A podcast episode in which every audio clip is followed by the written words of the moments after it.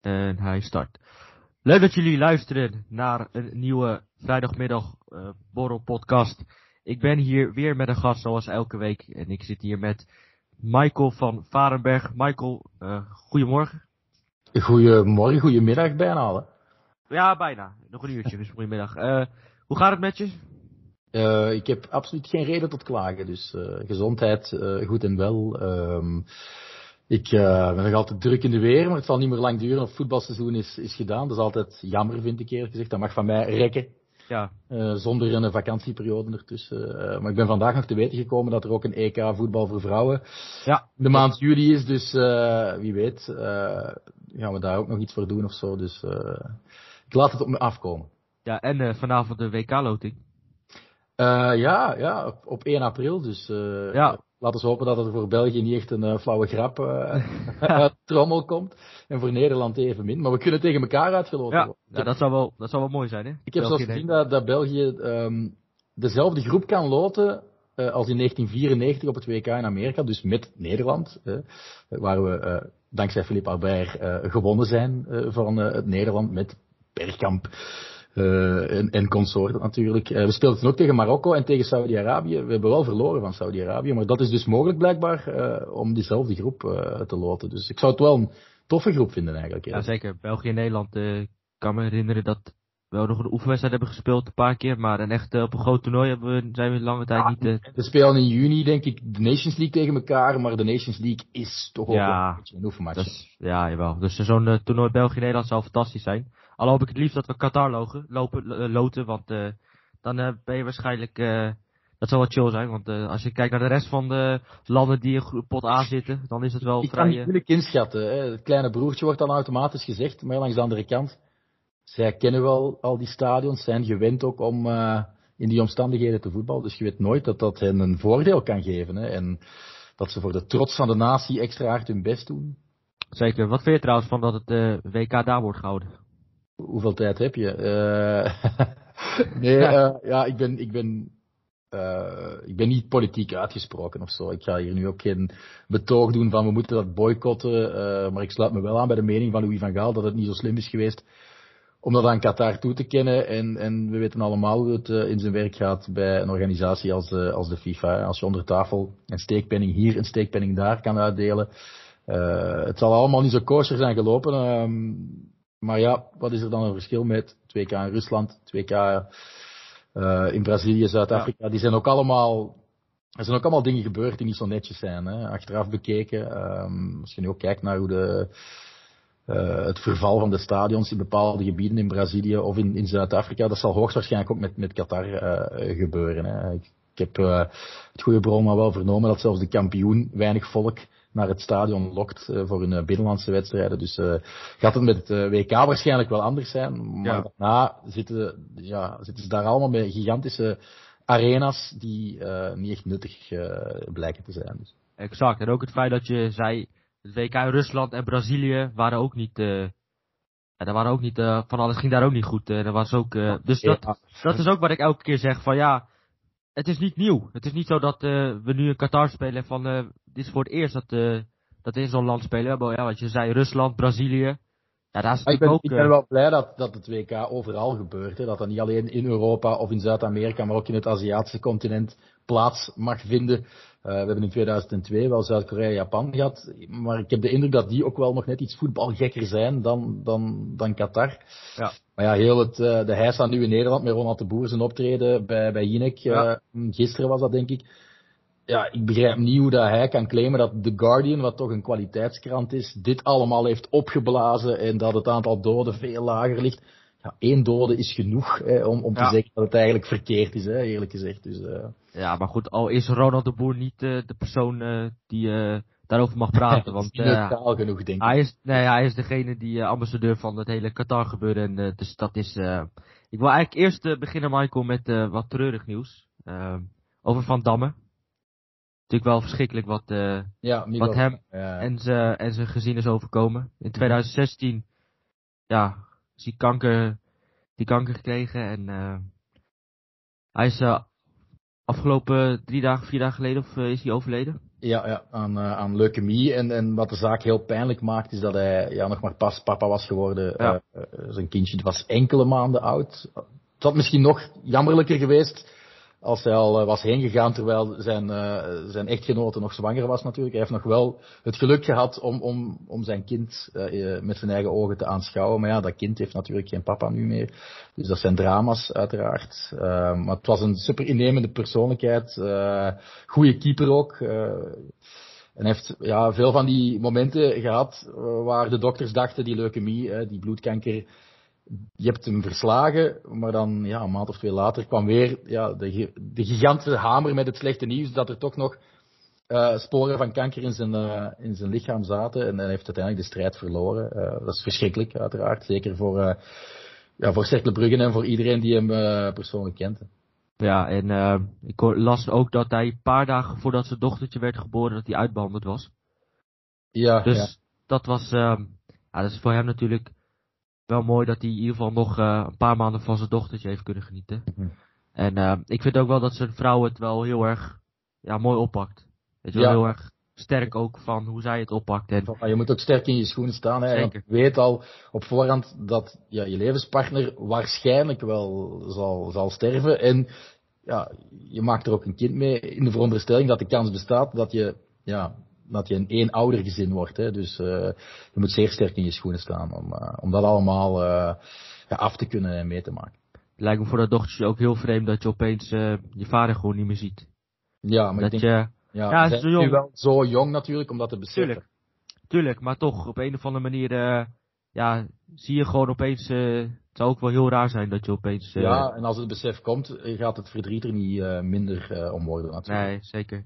Ik, uh, het is inderdaad een verschrikkelijke ziekte en uh, ja, als je beter wordt verklaard, dan uh, ja, kan het toch altijd terugkomen. En dat Mhm. heb ik in mijn omgeving ook meegemaakt. Een kennis van ons die, die leek beter te zijn en uiteindelijk kwam het weer terug en die is overleden. Dus het blijft een verschrikkelijke ziekte waarin je niet weet wanneer het terugkomt. En als je genezen bent, kan het altijd terugkomen. Dus laten we hopen dat het ooit uit de wereld verdwijnt. Oh ja, we hopen op uh, een doorbraak in de medische wetenschappen. Dus, en, uh, voor de rest kunnen we alleen maar uh, condolences naar het gezin en naar de familie. En dat was wel iets wat ik wel wilde bespreken hier, want het is natuurlijk wel verschrikkelijk dat het gebeurd is. En, dus dat wilde ik wel even bespreken. Nu uh, ga ik over naar jou, Michael, want ja, ik ken je natuurlijk als, als, uh, ja, als commentator, als uh, journalist van onder andere Sportsa, Eleven Sports.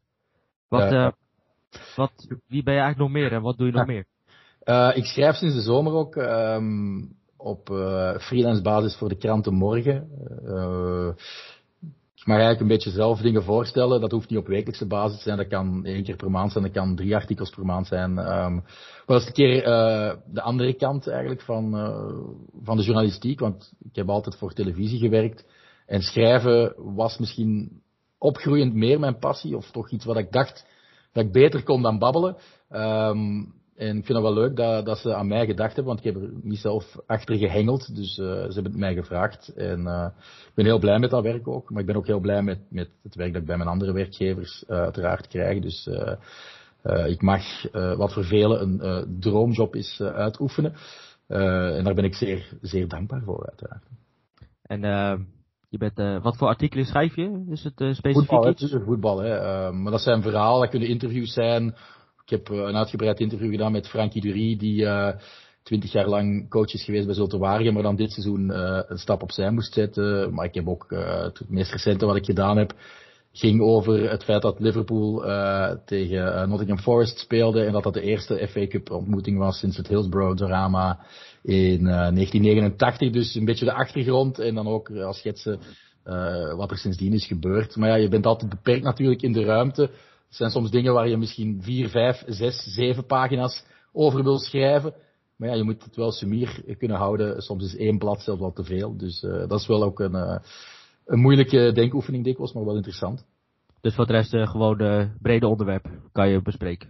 Ja. Is niet specifiek. Oké. Okay. Nou, dat is. dan ben ik wel benieuwd hoe ben je eigenlijk in dat ja, in het commentatorwereldje terechtgekomen? Want je bent, hoe lang ben je nu al commentator? Sinds 2015. Um, maar ik moet ik zei daarnet een droomjob, maar ik ben niet degene die zo al uh, bij FIFA 96 uh, het geluid afzetten en uh, commentaar meegaf. Dat heb ik eigenlijk nooit gedaan. Dus het is niet dat ik vroeger zei ik wil de nieuwe Frank Raas worden of de nieuwe Filip Joos. Ik heb wel met die mensen ondertussen uh, innig samengewerkt uiteraard en heel veel respect.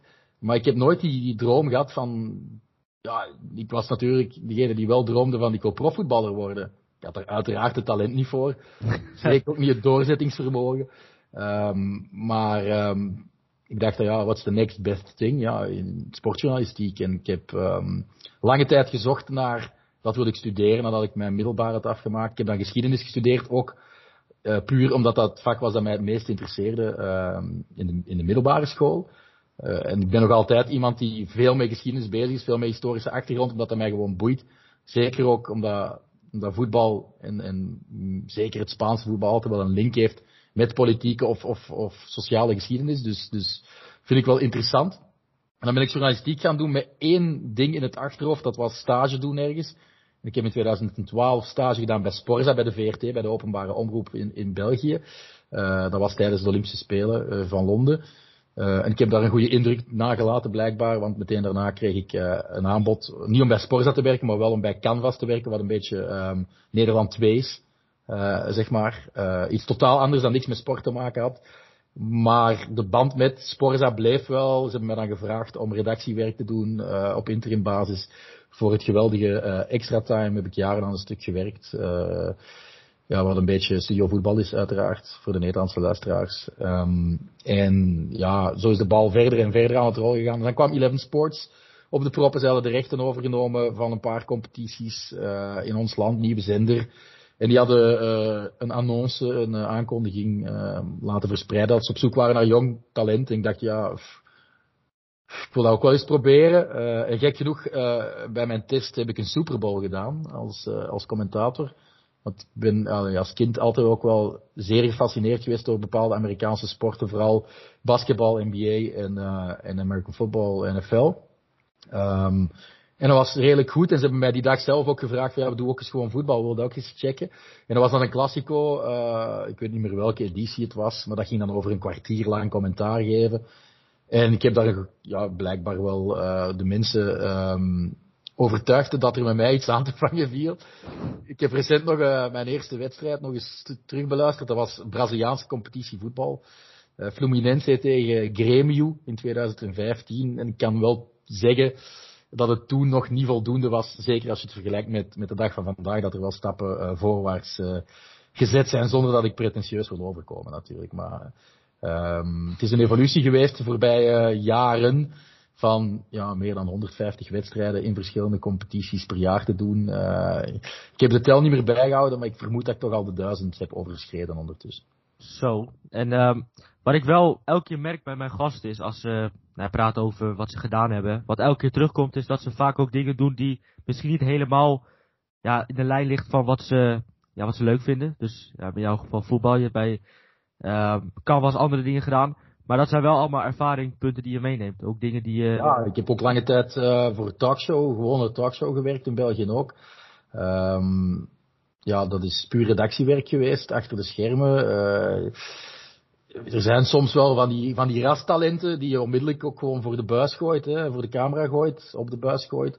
Uh, ik ben daar misschien net iets minder, denk ik. Ik heb eerder um, de kans gekregen om in de luwte uh, aan mezelf te werken en aan mezelf te schaven. En ik denk dat dat, dat ook een, manier is om de snelheidstekens door te breken. Hè. Dus uh, ik, ik, denk dat ik alle ervaring dat ik opgedaan heb, ook al heeft het niks met sport te maken, sommige opdrachten waren misschien ook iets minder leuk dan, uh, dan andere, maar ik heb die allemaal meegenomen in mijn rugzak en dat maakt ook de persoon die ik de dag van vandaag ben.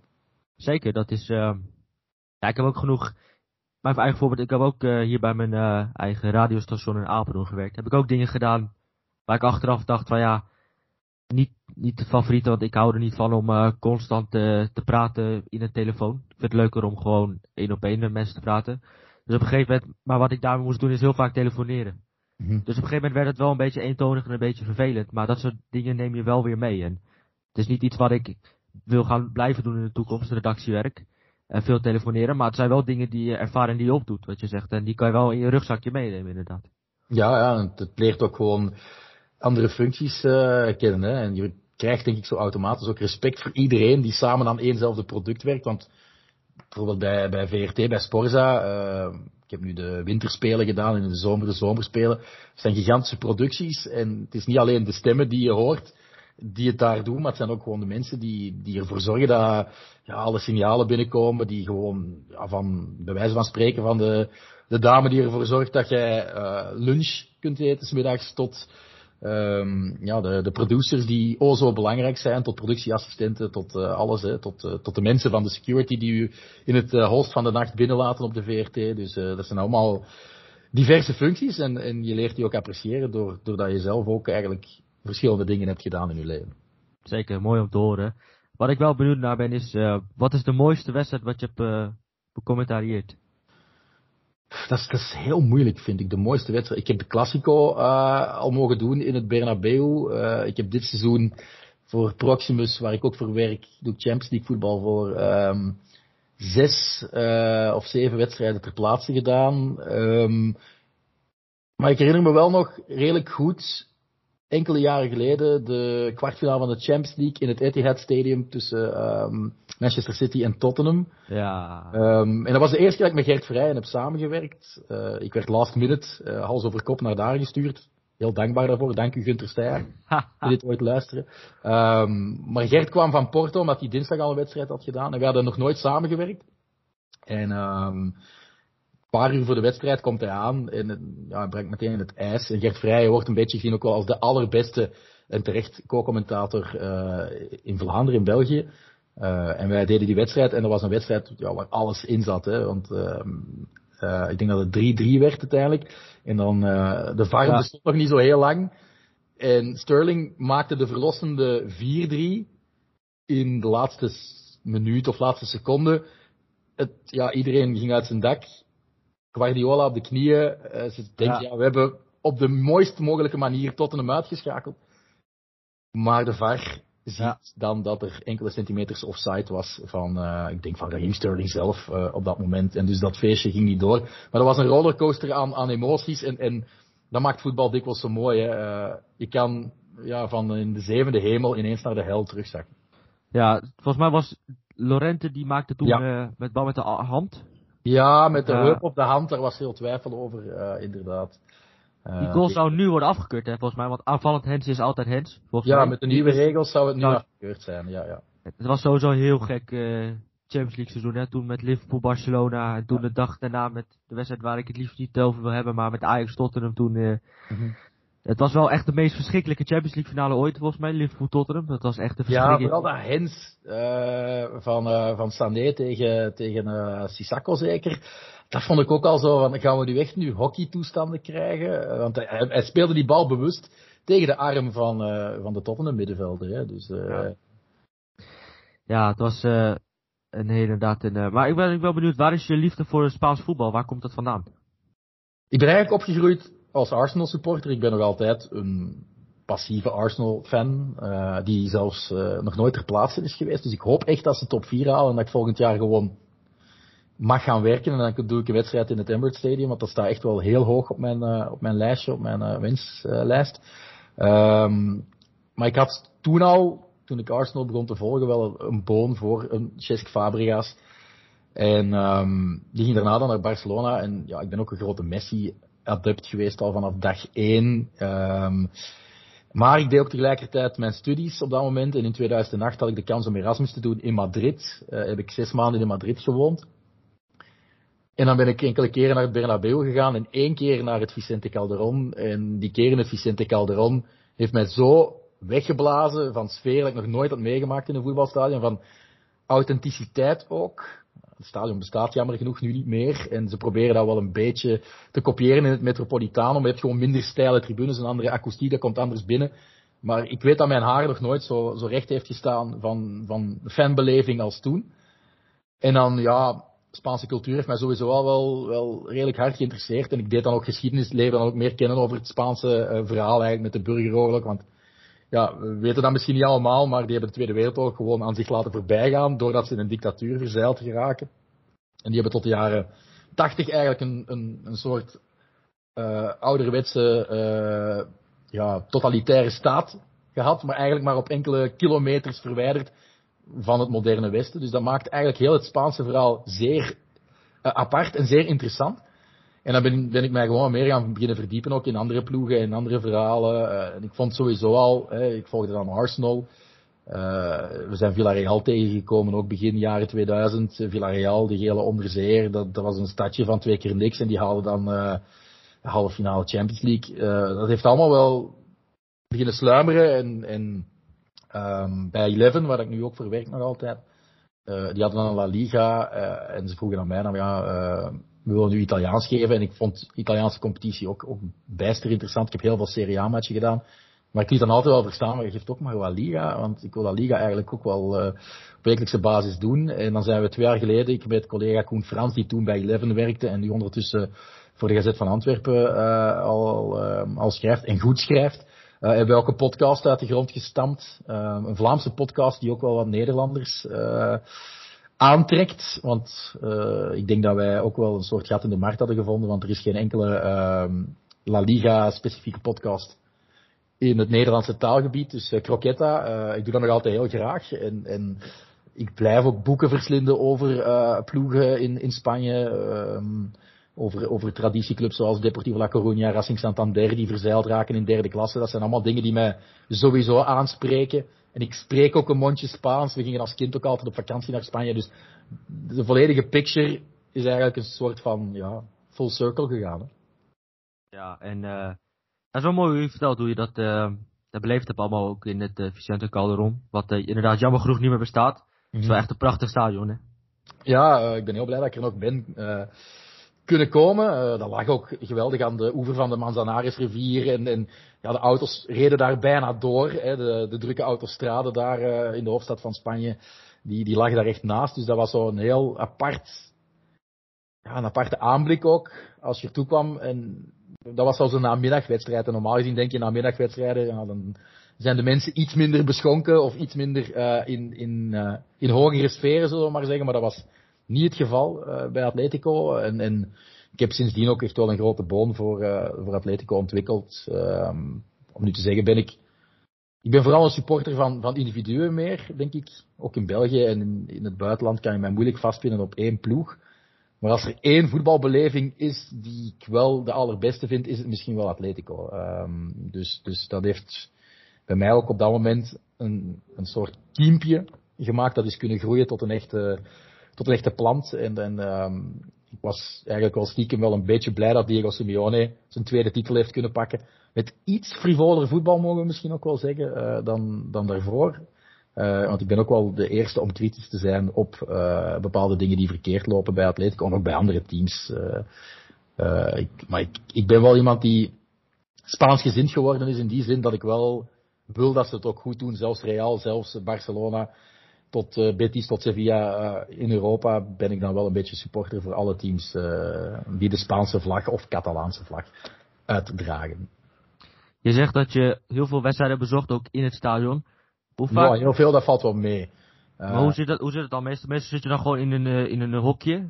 En dan zit je ook vaak in het stadion? Het leeuwendeel van mijn wedstrijden in het buitenland, die doe ik wel van in uh, de cabine, commentatorscabine van Eleven in Brussel. Uh, maar ik doe nu ook vier jaar, of het vierde jaar Jupiler Pro League voetbal, of het derde. Daar ben ik aan het twijfelen, wat. Um, maar die zijn altijd wel ter plaatse. Hè. Dus uh, ja. ik zit nu elke week ook in een Belgisch voetbalstadion ter plekke. Uh, dat is iets minder sexy dan het Wanda Metropolitano of Camp Nou of, of uh, ja, um, de Allianz Arena uiteraard. Maar ik haal mijn neus er niet voor op om naar de Keerweg in Eupen te gaan of uh, achter de kazerne KV Mechelen Sfeer is daar ook, uh, is daar ook geweldig, de Bosuil. Het zijn ook allemaal wel, wel um, ja, plekken die wij met de paplepel hebben meegekregen. Hè. Dus waar ook heel veel geschiedenis rondhangt. Dus, en ik moet zeggen, het is veel leuker om een wedstrijd in het stadion ja, zeker als we corona even vergeten, tussen de supporters zitten. Je ademt de sfeer in ook. Je, je, ik denk dat je automatisch ook meer in een wedstrijd zit, omdat je omgeven wordt door dat supportersgeluid. Dat je sowieso wat luider doet praten, wat luider doet um, commentaar geven, waardoor je ook automatisch de indruk geeft aan de mensen thuis dat dit echt wel boeit. Terwijl in cabine is het soms moeilijk om, om um, diezelfde sfeer over te brengen aan de mensen thuis. Ja, en uh, Ja, het heeft ook wel wat hoor, om uh, in dat, dat soort kleine stadions te zitten, lijkt mij. En uh, zeker uh, achter de kazernes is wel een plek waar, waar ik ook wel een keer heen zou willen gaan. Wordt ja, vaak, wordt vaak wel over... Aan mij vragen, wat is de beste voetbalbeleving in België? Het is moeilijk om, om, om echt te zeggen, achter de kazerne staat op één, of um, de Bosuil staat op één, of, of uh, Sclessin staat daar. Zeker ook is de moeite om, om te bezoeken, maar ik denk, ja, um, zelfs wedstrijden van KV Kortrijk kunnen leuk zijn. Hè. Uh, daar hebben ze ook een sfeertribune achter het doel met een uh, met zo'n rookkanon dat, dat uh, automatisch uh, timed met als een bal tegen de net uh, vliegt. Dat een bal voor KV Kortrijk natuurlijk. Dus dat zijn ook wel van die dingen, dat zijn kleinere, schattigere stadions. Maar ze doen daar ook een stinkende best om, om de sfeer uh, te verzekeren. Dus uh, dat is zeker prettig om, om, om, uh, om naartoe te gaan. En ik raad iedereen aan, alle luisteraars aan, om dat allemaal eens mee te maken. Zelfs de keerweg in het verre Eupen is, is de moeite, omwille van de lekkere goulash. En ook wel omwille van, ja, zelfs al zit er maar 700 man, de sfeer is daar wel goed. Zeker, het is ook wel mooi om dat soort iets kleinere clubs, om daarheen te gaan, om dat te beleven in plaats van al die grotere clubs natuurlijk. Ja, het is dikwijls ook wel, denk ik, ook in het buitenland soms leuker om naar, um, naar Real Sociedad te gaan, bij wijze van spreken, dan naar het Camp Nou. We weten allemaal, Camp Nou, Bernabeu, dat is allemaal toerisme tegenwoordig. Hè. Uh, het grootste gedeelte van de supporters die uh, willen gewoon vroeger Messi zien, of nu willen ze, um, ja, wie zou het zijn, Ousmane Dembélé zien met eigen ogen. Uh, of ja. Real Madrid Benzema met eigen ogen zien, maar dat trekt wel aan. Dat trekt eigenlijk ook gewoon minder hevige fans aan. En dus uh, je hebt altijd wel een, een, een ja, een echt uh, uh, harde kern uiteraard in die grote stadions. Maar het is leuker om dan naar Sevilla te gaan, bijvoorbeeld, waar maar 40.000 man binnen kan. Ik heb daar een wedstrijd als supporter eigenlijk, als, als toeschouwer meegemaakt. Sevilla FC tegen, tegen Athletic Club de Bilbao. En ook dan met het uh, zingen van uh, het, uh, het clubhymne ging mijn haar recht staan. Hè. Dan ja. maak je eigenlijk toch iets gemakkelijker mee, denk ik.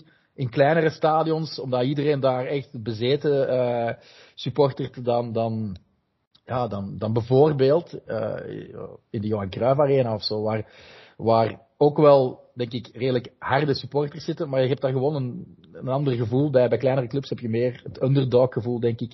En, en dat spreekt mij ook wel aan. Je zei net van uh, Sevilla supporter, Michael. Stiekem wel, hè? Nee, ik ben eigenlijk meer een Betis-fan. Als ik moet kiezen, omdat het voetbal van Betis de voorbije jaren mij ook gewoon ja. veel meer aanspreekt. Maar het is wel de voetbalstad met, allee, we moeten eerlijk zijn, dat is een kleinere metropool dan Brussel, Sevilla. En het heeft twee stadions die samen 100.000 supporters kunnen op de been brengen.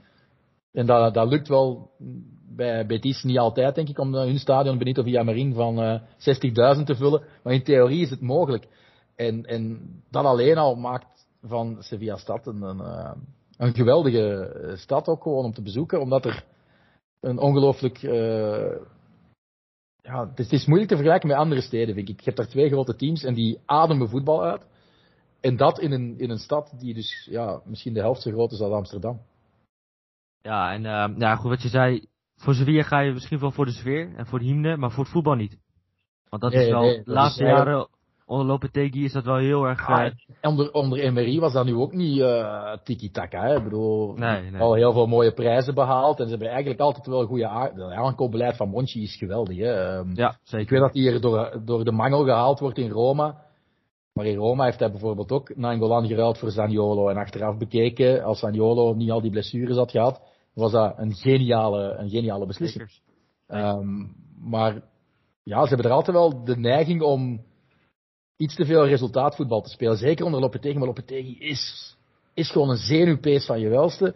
En dat zag je nu bijvoorbeeld ook in die wedstrijd tegen West Ham, waar, waar ze, West Ham United is terecht gekwalificeerd, hè. Ik bedoel, ja. die waren ja. veel beter dan Sevilla. En Sevilla heeft een soort angsthazenvoetbal gespeeld in de return. Terwijl ze eigenlijk wel kunnen zeggen van ja, we missen onze meest attractieve spelers met Papu Gomez, met, um, met Lamela, uh, noem ze maar op, hè, die er niet bij waren. Maar zelfs als die op het veld stonden, zou er hetzelfde angsthaze voetbal gepredikt geweest zijn door, door Lopetegui. En, en dat stoort uh, mij ook enorm bij, bij Simeone bij momenten, hè, maar die komt er dan wel mee weg. En, en Lopetegui net iets minder. Ja, het is gewoon heel erg voorzichtig. Hij is heel voorzichtig. En ook toen Papu Gomez kwam, zet hij hem vaak als buitenspeler neer. Ja, terwijl die op Toch de wel, staan, ja, Ja. en hij is niet, hij is gewoon niet zo, zo vrij als hij bij Atalanta was. En zo speelt hij niet zoals hij bij Atalanta. Dat vind ik dan wel jammer, want ik vond de aankoop Papu Gomez naar Sevilla. En eh, hij heeft echt wel een goede wedstrijd gespeeld. En je ziet echt wel zijn kwaliteiten. Maar zijn kwaliteiten komen niet zo goed terecht als bij, eh, als bij Atalanta toen. Nee, Ja, als, je, als je de absolute uitblinker bij Sevilla, die is nu ook net geblesseerd uitgevallen, moet noemen, dan denk ik, als je echt eerlijk bent, de voorbije jaren is het Fernando. Ja, ja nee, die is respect, fantastisch. Alle respect, dat is een waterdrager. Hè? Ik bedoel, Ja.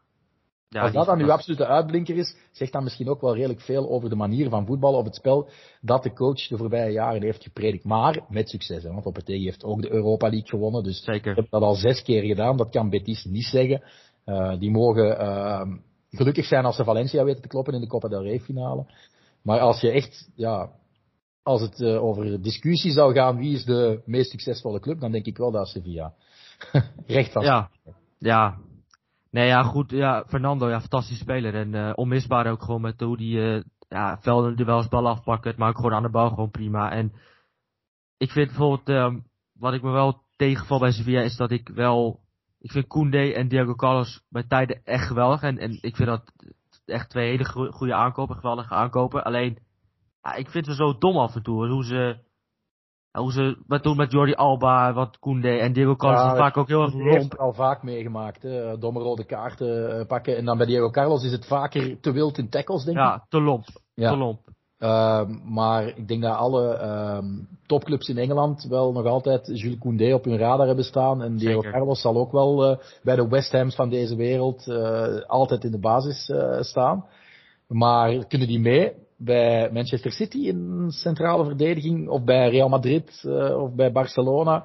Waarschijnlijk huidige Real Madrid en huidige Barcelona misschien nog net wel. Maar bij Manchester City heb ik dan weer wel mijn bedenking. Ja, Jules Koundé potentie echt heel erg goed. Ehm, alleen als hij dat dommigheid en dat soort dingen. En wat me ook wel bij Sevilla, er zijn veel blessures geweest. Koundé is dit seizoen best wel vaak geblesseerd geweest. En Rikieke heeft daar moeten spelen, die het uitstekend heeft gedaan. Eh, vind ik. Wordt, wordt in Nederland best wel ondergewaardeerd, maar ik vond hem echt heel erg goed eh, in de wedstrijd. heeft daar ook al moeten depaneren. Dus, Koundé speelt er ook, het is gewoon, Koundé is gewoon heel vaak geblesseerd dit jaar. En dat is, daarom speelt hij ook niet het- zijn beste seizoen. Vorig seizoen was hij echt heel goed achterin. Maar eh, hij heeft wel echt voetballende vermogen. Hij, Ja. is niet de, hij is niet de langste, maar hij is wel kopsterk. Hij is heel atletisch, hè, eh, maar, maar hij heeft ook wel het probleem dat hij ook wel ruzie maakt. Hè, want hij wilde vertrekken en dat was, een, Ja. ja. was echt Ja. een issue. Hè. Ik bedoel, ze hebben hem moeten inpraten, want hij was niet meer te genieten, hij trainde niet meer goed. Dus dat zijn wel van die dingen die denk ik die topclubs ook lezen of te horen krijgen. En misschien ook wel beginnen nadenken van oei, ja, dat is toch eh, misschien niet de golden egg dat we absoluut moeten hebben. Hè. Ja, en Diogo Carlos, ik vind Diogo Carlos bij tijden ook echt geweldig. Hè? Ook echt een atleet, eh, goed aan de bal, echt heel sterk. Alleen, wat ik met hem heb en wat heb ik ook met Upamecano, heel lomp. Hoe die Ja, soms, ook ja. in, die, in die Europa League, dat hij toen penalties weggaf en eh, dat hij gewoon heel lomp inkomt. En voor de rest, het zijn wel twee geweldige aankopen geweest van Monchi, die de afgelopen jaren echt wel veel meer van dat soort spelers hebben gehaald. Zoals Montiel, vind ik ook een hele goede rechtsback die ze gehaald hebben. Ja, En, ik denk eh, dat de Sevilla supporters wel willen dat Jesus Navas speelt, maar eh, die is ook wat ouder en wat blessuregevoeliger geworden. Ja, die is ook dit seizoen geblesseerd geraakt. En ook dit seizoen vind ik hem een stuk minder dan, eh, dan die, ja, de jaren daarvoor, waar hij gewoon heel belangrijk was. En ja, dat zijn wel de twee belangrijkste spelers van Sevilla, Acuna en eh Jesus Navas. Degene die ja, vaak mee opkomen en gevaar komen vooral van die twee. En dat is ook de reden dat Luc de Jong graag naar Sevilla wilde gaan. Want voor de voorzitter binnen te koppen. Hè? voor de voorzitter binnen te koppen. En ja, goed, het is, het is gewoon heel. Je weet gewoon hoe Sevilla gaat spelen. En het is gewoon vaak heel saai. En eh, vaak wordt de wedstrijd dan met 1-0 gewonnen. Of net dan weer niet gewonnen. Hè, tegen. Ja, volgens mij was Sociedad 0-0. Dus het wordt of 1-0 of 0-0. En in een bijzonder geval wordt het een keer 2-3-0. Dus ja, het Ik denk gaat ook dat op die manier ga je ook nooit echt de nummer 1 in Spanje kunnen Nee. uit. Want we hoopten dat de spanning lang zou rekken. Hè, dat Sevilla echt wel eh, Real Madrid kon, eh, kon blijven volgen. Maar als je echt eerlijk was, wist je wel, dit kunnen ze niet volhouden, want het is elk seizoen van dat. Ja, en eh, Het werd aan mij en laagtes, hè. ja, er werd aan mij gevraagd, eh, want ja, ik ben eh Sevilla-fan, Sevilla-liefhebber. Er werd aan mij gevraagd, ja, nadat Real Madrid een paar punten verloor, ja, gaan ze Sevilla nu aanhaken? Zei ik, nee, dat gaat nooit gebeuren, want Sevilla gaat echt wel eh, weer een wedstrijd 0-0 spelen of een keer gelijk spelen of verliezen, want ja, dat is, dat is gewoon Sevilla. Dat, die kunnen een wedstrijd winnen met 1-0, maar het kan ook zomaar de andere kant op draaien, dat ze een keer 1-0 verliezen of 0-0 spelen. Dus ja, Sevilla is nooit zo, constant dat ze eigenlijk kunnen meedraaien. En het is dat ze nu tweede staan. heeft ook te maken met een heel slecht seizoen van Atletico. En Barcelona die de laatste weken wel goed erin zit en geweldig speelt. Maar die zijn natuurlijk ook uh, van ver moesten ze komen. Mm -hmm. Als ze weer gewoon weer vierde gestaan zoals de afgelopen jaren. Dus dat ze via tweede staat is knap. Maar het heeft ook wat te maken met Atletico die heel veel goals tegenkrijgt dit seizoen. En het gewoon minder goed presteert. En hetzelfde gaat met Barcelona die gewoon minder begonnen is. Dus de reden dat zij, nou ja goed, Barcelona kan, uh, dit weekend is het uh, Barça Sevilla. Mm -hmm. Barcelona kan uh, dit weekend boven Sevilla komen. Dus, dus het is wel, het is knap hoe ze presteren. En nou ja, goed, als ze weer vierde worden, wat ik wel weer vanuit ga, nou dan is het gewoon prima. Alleen, het voetbal is niet fijn. Het is niet zo dat je met plezier naar Sevilla gaat kijken. En ja, het is gewoon voorspelbaar. Je weet wat er gaat gebeuren. Ja, het is plezier uh, voor de supporter die in het Sanchez Pizjuan zit en een wedstrijd daar meepikt voor de sfeer. Maar inderdaad, je wordt niet verwend. Hè. Het is niet dat het, dat het 6-7-0 gaat worden. Hè. Uh, en wat het ook wel pijnlijk maakt, is die uitschakeling in Europa, omdat ze net nu de finale in hun eigen stadion hadden ja. kunnen spelen. Ja. Uh, maar goed, ja, is vierde de plaats die Sevilla waard is? Denk het wel. Ja, tuurlijk. Ik bedoel, het is ook, ze houden vaak de nul. Dat is bij Sevilla altijd. Ja, ze hebben met Bono Samen met een geweldige de beste keeper van uh, ja, Spanje. 100%, 100%. Ik vind die twee echt heel goed. Uh, Oblak heeft gewoon een heel minder, uh, gewoon een minder seizoen. Ja, hij is terug wel in stijgende lijn, dus uh, ik ben er ja. blij. Ja goed, dat komt ook omdat Atletico ook een stuk beter draait de laatste weken. En nou ja, die zijn in ieder geval ook door in de Champions League. Um, maar goed, Ter Stegen heeft ook minder, is ook minder geweest de laatste weken. En ja goed, als je echt veel plezier wil... kijk, Real Sociedad is ook niet heel erg is ook heel vaak 1-0 en 0-0. Uh, en dat is de laatste tijd ja, ook... Je moet naar Betis kijken, hè, als je echt uh, ja. veel ja. goals verwacht. Dat is, uh, of naar Levante. Levante, oké, okay, ze staan laatst. Ja. ja. Er gaan ook veel doelpunten vallen. En dan kunnen er ook een paar van Levante zijn, maar uiteindelijk verliezen ze dan wel met, uh, met 4-3. Over Levante gesproken, ik vind het heel jammer dat het daar slecht gaat. Ik vind, daar komen echt heel veel goede spelers vandaan, hè. Met El Comandante natuurlijk. Ja, Morales is nog altijd op leeftijd wel, maar wel... Ja, die doet het wel nog altijd. Er is, er is iets aan hem... Ik denk dat hij een soort naturel heeft een killersinstinct dat ze denk ik te laat hebben ontdekt bij hem. Want anders had hij toch een veel grotere carrière kunnen hebben dan, uh, dan op dit moment. Uh. Ja, schitterend spelen. En uh, Levante heeft natuurlijk ook de Frutos, hebben ook Campagna, hebben ook Bardi. Dus ja, dat zijn wel spelers. zou eventueel naar Atletico kunnen volgend seizoen, want die heeft een degradatieclausule in zijn contract staan. Dus. Sevilla werd ook genoemd een aantal keren. Dus dat zou ik ook wel fantastisch vinden. Want hij komt ervan, hè? Heeft hij niet, ja, hij komt er vandaan. En ik vind sowieso bij Sevilla het middenveld mist wel veel creativiteit. Ja, het is wel ook een dagje ouder. Hoe lang kan je daar nog op teren? Ik vind Juan Jordan ook niet. Hmm. Hij begon fantastisch, maar ik vind ik hem ook heel erg rustig. Ik vind die wel onderschat, eerlijk gezegd. Ja, het, is, het is een goede middenvelder, alleen ik vind hem wel vrij. vaak heel risicoloos. Ik vind dat hij wel veel meer. Als je ziet dat hij meer risico in zijn spel legt, dan is het echt fantastisch. Maar hij is wel enorm voorzichtig. Wat waarschijnlijk ja, ook te maken heeft met het speelstijl. box ook niet of zo, hè? Dus, uh, nee, dus ik vind. Ik vond bijvoorbeeld heel jammer dat ze. Uh, Pablo Sarabia toen hij vertrok. Dat was wel echt een nummer 10 die uh, heel creatief was. En uh, toen had je ook bij Jedder in de spits. Ja, dat mis ik wel. Die twee mis ik wel bij Sevilla. Uh, ja, dat Sarabia, veel... Sarabia doet het uitstekend bij Sporting. Nu ook bij de Spaanse nationale ploeg. Weer twee keer gescoord, denk ik. In de 5-0 tegen IJsland. en dat is eigenlijk al van zijn Getafe-periode een, een, waanzinnig goede speler, vind ik eerlijk gezegd, Sarabia. Dus inderdaad, dat was wel een transfer die ik liever ook niet, niet had gezien bij, bij Sevilla. Nee, en uh, ja, ja, goed, hij ging naar Paris en dan weet je dat hij daar gewoon niet uh, gaat spelen. En dan uh, komt hij nu. Maar wie weet dat hij na dit seizoen weer terug gaat naar La Liga. Het kan allemaal weer gebeuren. Yes. En wat ik ook, ja goed, ja, gaan, gaan heel veel spelers bij Levante vertrekken worden uitverkoop. Hè, want ja, je hebt ook wat je, Bardi, fantastische middenvelder, die kan ook stappen omhoog. George Frutos, ook weer zo'n jonge speler. die Dus aan de ene kant wel jammer dat ze vertrekken, maar aan de andere kant ligt het ook weer mogelijkheden voor andere clubs om die spelers op te pikken. Mm -hmm. Um, ja, Real Betis. Ja, dat middenveld is wel. Als je het middenveld van Betis vergelijkt met Sevilla. Als je daar heb je Canales rondlopen en Fekir. Ja, dat zijn wel voor Real Betis. Als je die twee op het middenveld hebt rondlopen, is wel buitengewoon. Ja, buitengewoon. zijn eigenlijk ook wel hun Fernando met Guido Rodriguez. Die ja. ik ook uh, heel goed vind. Ook dichte, uh, kan een stofzuigerrol opnemen, kan, kan ja, een klootzakje zijn bij momenten. Uh, en dan hebben ze William Carvalho die er terug doorkomt, want die heeft ook een tijd lang op de bank gezeten. Ik denk vorig seizoen al onder Pellegrini. Dat hij er wat moeite had om, om echt uh, een basisplek op te eisen. Maar dat blijft een gracieuze uh, nummer 8. Um, die ze, ja, denk ik ook wel bij Portugal echt kunnen gebruiken op het, op het WK. heeft een soort lijzigheid, valse tragen. Lijkt alsof hij beter in, in de jaren 80 van de 20e eeuw zou voetballen dan nu, maar ik zie die, die types wel graag spelen.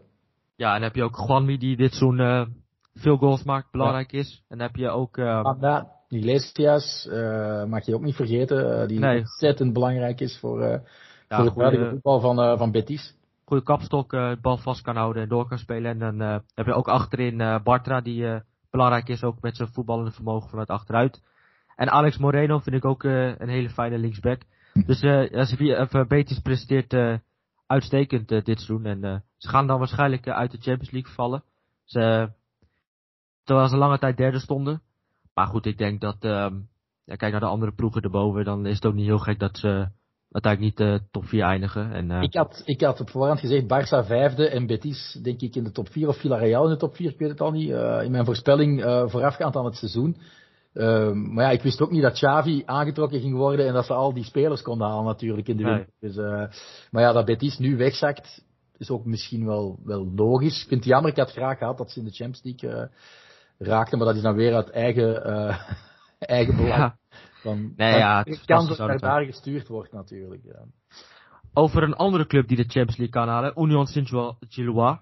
Ik weet niet eens hoe ik het erachter moet uitspreken. Saint-Gilloise. Saint-Gilloise, oké. Okay. Ja, gewoon Union, het gemakkelijkste. Ik noem gewoon Union. Ja, um, ja die kunnen, zijn vorig jaar gepromoveerd. Mm -hmm. En staan nu eerste in uh, de Pro League. Mm -hmm. Gaan ze het redden? Gaan ze kampioen worden, denk ik? is het verschil nu zeven punten, denk ik, met Club Brugge.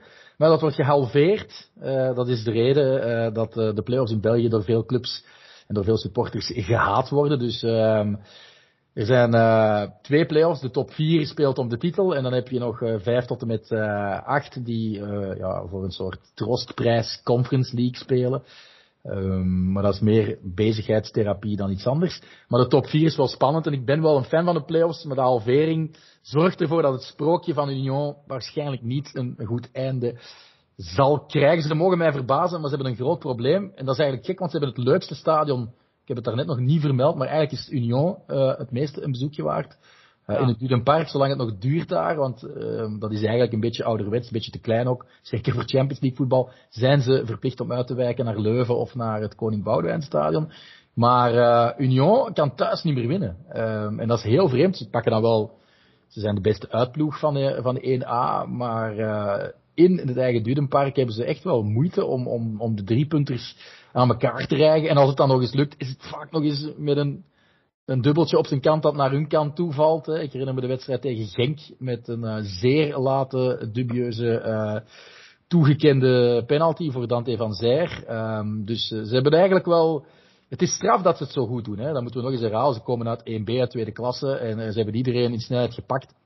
En ze hebben het langer kunnen rekken dan Beerschot vorig seizoen, want die stonden op een gegeven moment ook aan de leiding uh, in de reguliere competitie. En zie waar ze nu zijn beland, want ze zijn al zeker van zakken uh, in hun tweede jaar naar, uh, naar tweede klasse. Maar Union, ja, alles lijkt gewoon op het perfecte moment in elkaar te zijn gepast. Ze hebben een systeem met een heel goede trainer. Hè. Felice Mazu is mislukt bij Racing Genk, maar daarvoor heeft hij wel uh, in alle seizoenen dat hij Charleroi uh, had geleid, denk ja, meer dan de helft daarvan ze in play-off 1 gekregen. Met een beperkt budget, met ook beperkte kwaliteit in spelers. Dus er zit wel echt wel een topcoach in, in Felice Mazu.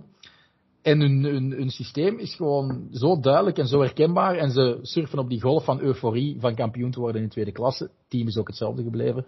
En, en, de topteams hebben er heel veel moeite mee. We hadden het daarnet over het middenveld van Sevilla en het middenveld van Betis. Maar als je naar het middenveld van Union kijkt, dan kan ik echt wel zeggen, zonder enige twijfel, dat dat middenveld het sterkste is van alle topteams, van alle play-off 1 kandidaten op dit moment in België.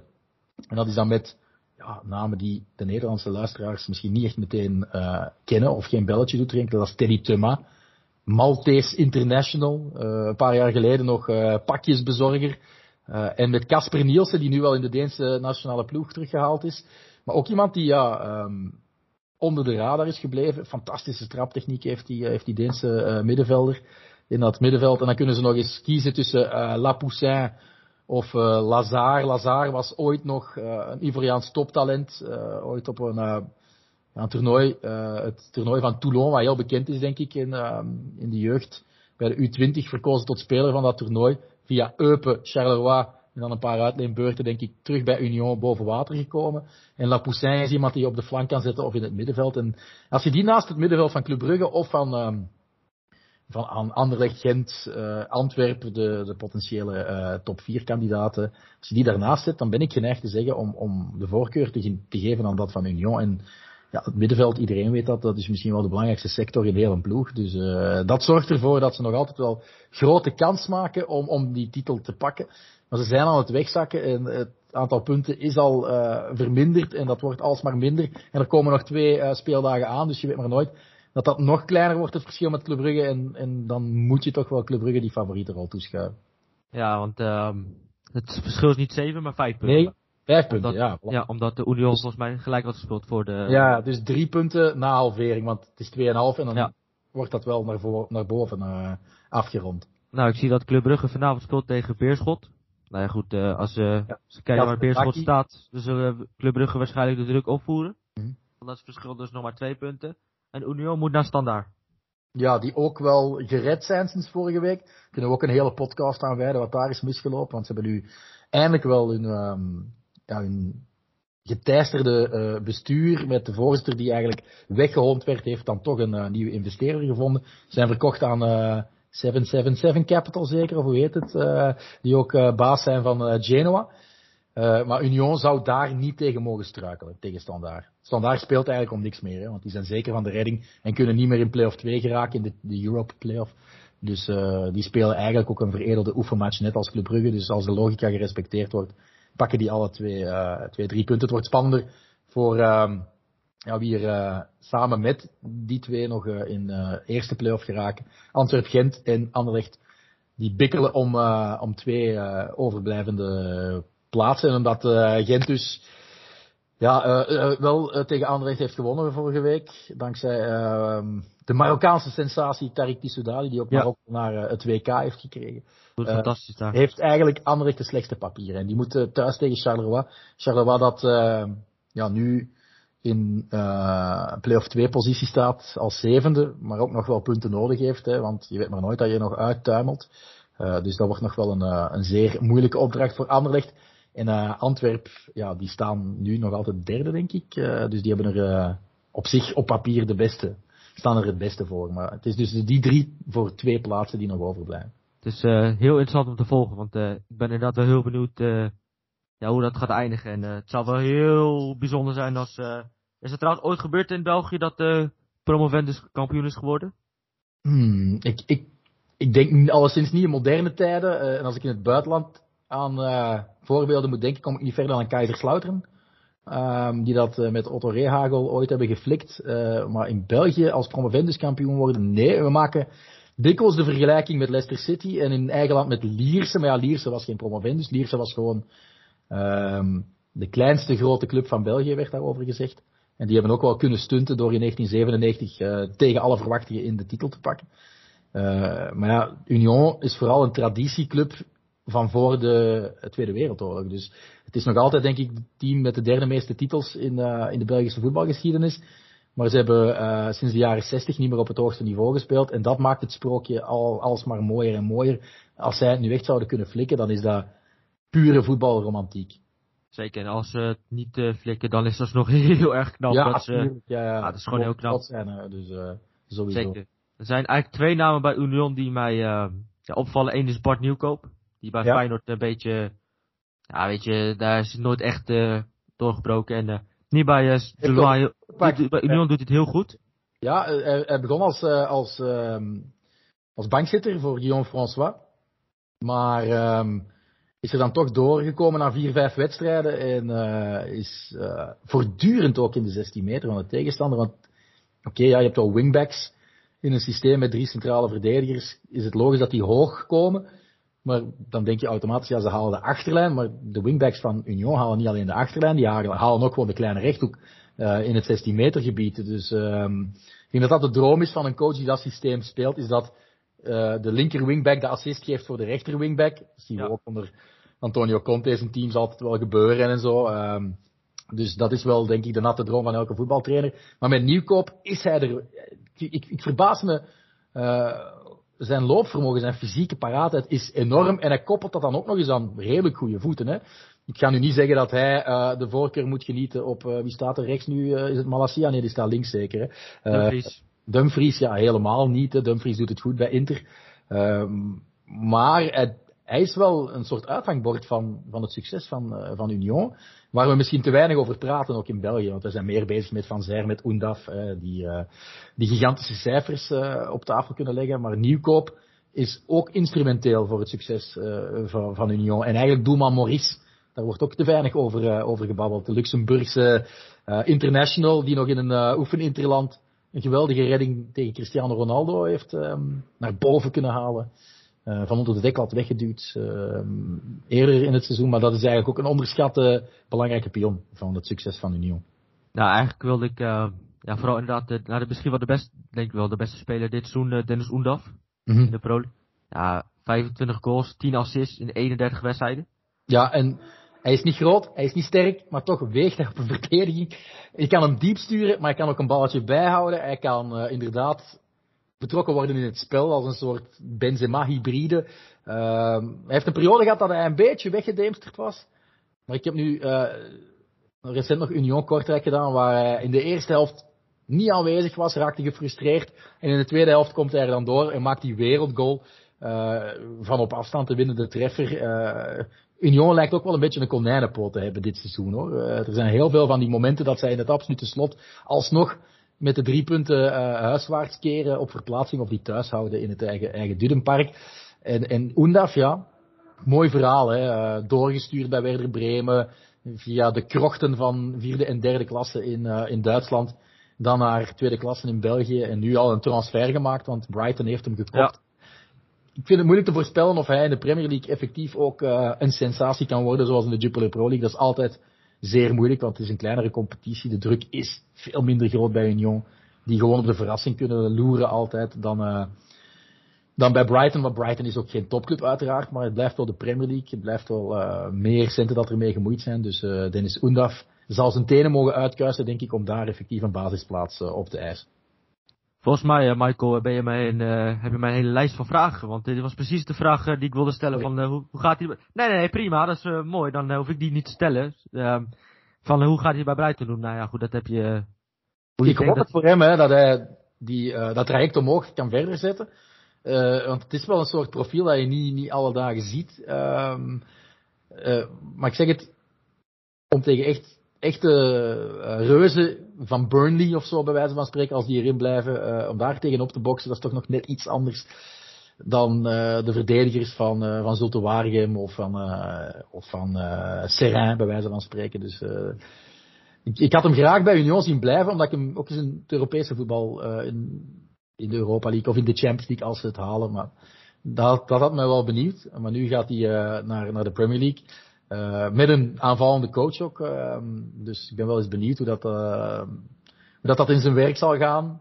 Als je puur denkt, heeft hij de kwaliteiten daarvoor? Op papier wel, maar het is natuurlijk wel een verschil tussen de Jupiler Pro League en de Premier League. Klopt. Ja, het tempo is veel hoger in de Premier League. Maar wat ik wel bij Brighton is, ze missen nog wel, vind ik wel echt een spits die doelpunten kan maken. Het is wel, ze missen wel echt doelpunten voorin bij, bij Brighton. Ja, hij heeft dan nu twee seizoenen op rij bewezen dat hij dat wel kan. Terwijl hij um, in derde klasse en in vierde klasse in Duitsland soms wel als uh, nummer 10 werd uh, uitgespeeld ook. Dus, uh, maar hij heeft zijn neus voor goals ontdekt en laten we hopen dat die neus blijft groeien en groeien.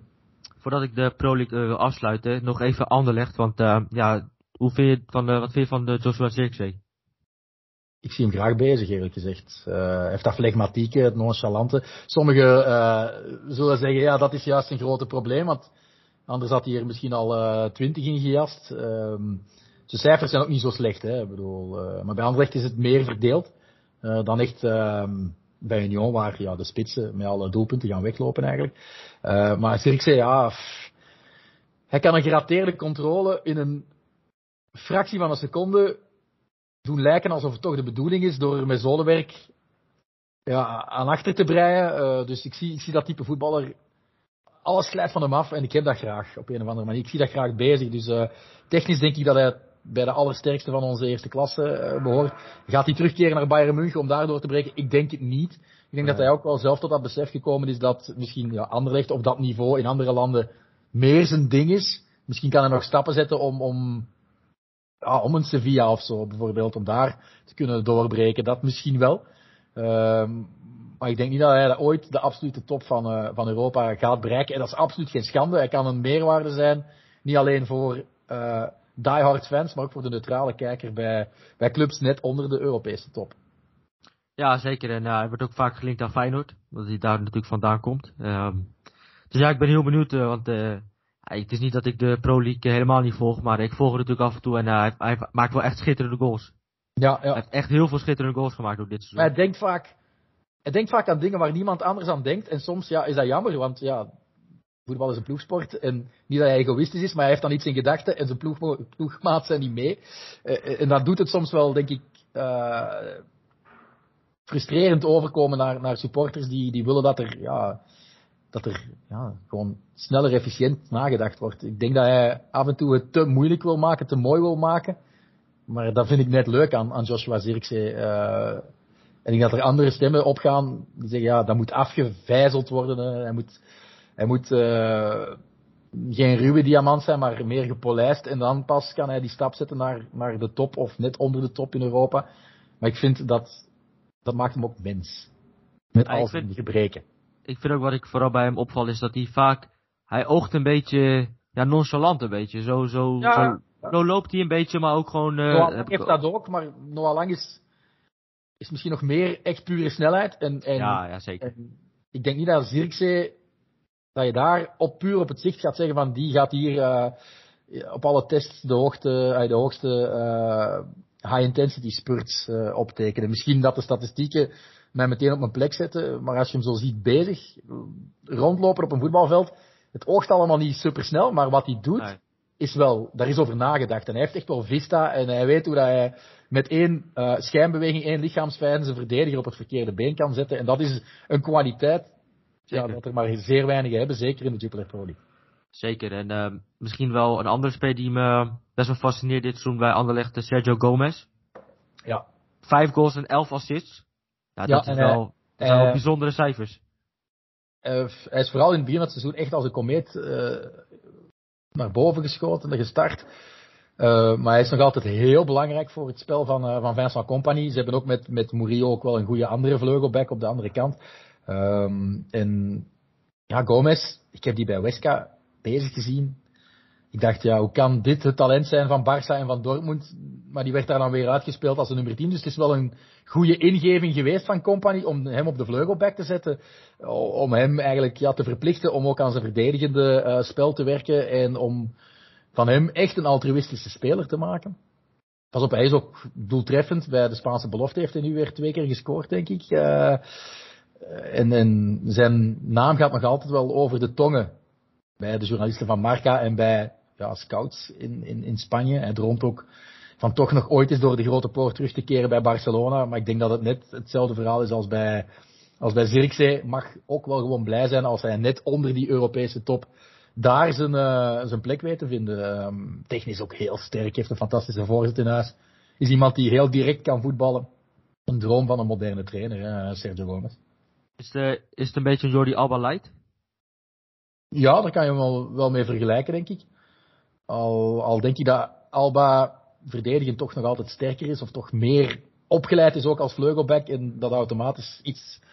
Hij zal zich minder uh, op de ruimte in de rug laten betrappen dan, dan Sergio Gomez. Uh, ik denk ja. dat tegenstanders daar nog iets te weinig van profiteren, denk ik. Maar ja, je moet ook, dan ook zelf de bal hebben. En Anderlecht eist wel natuurlijk voortdurend de bal op. Uh, maar je kan hem wel vergelijken met, met met een Jordi Alba, met een, met een José Gaia misschien ook wel. Uh, of hij het ooit echt zal waarmaken bij de Spaanse nationale ploeg op die linksback-positie. Ik denk dat Enrique hem wel sowieso in de gaten heeft.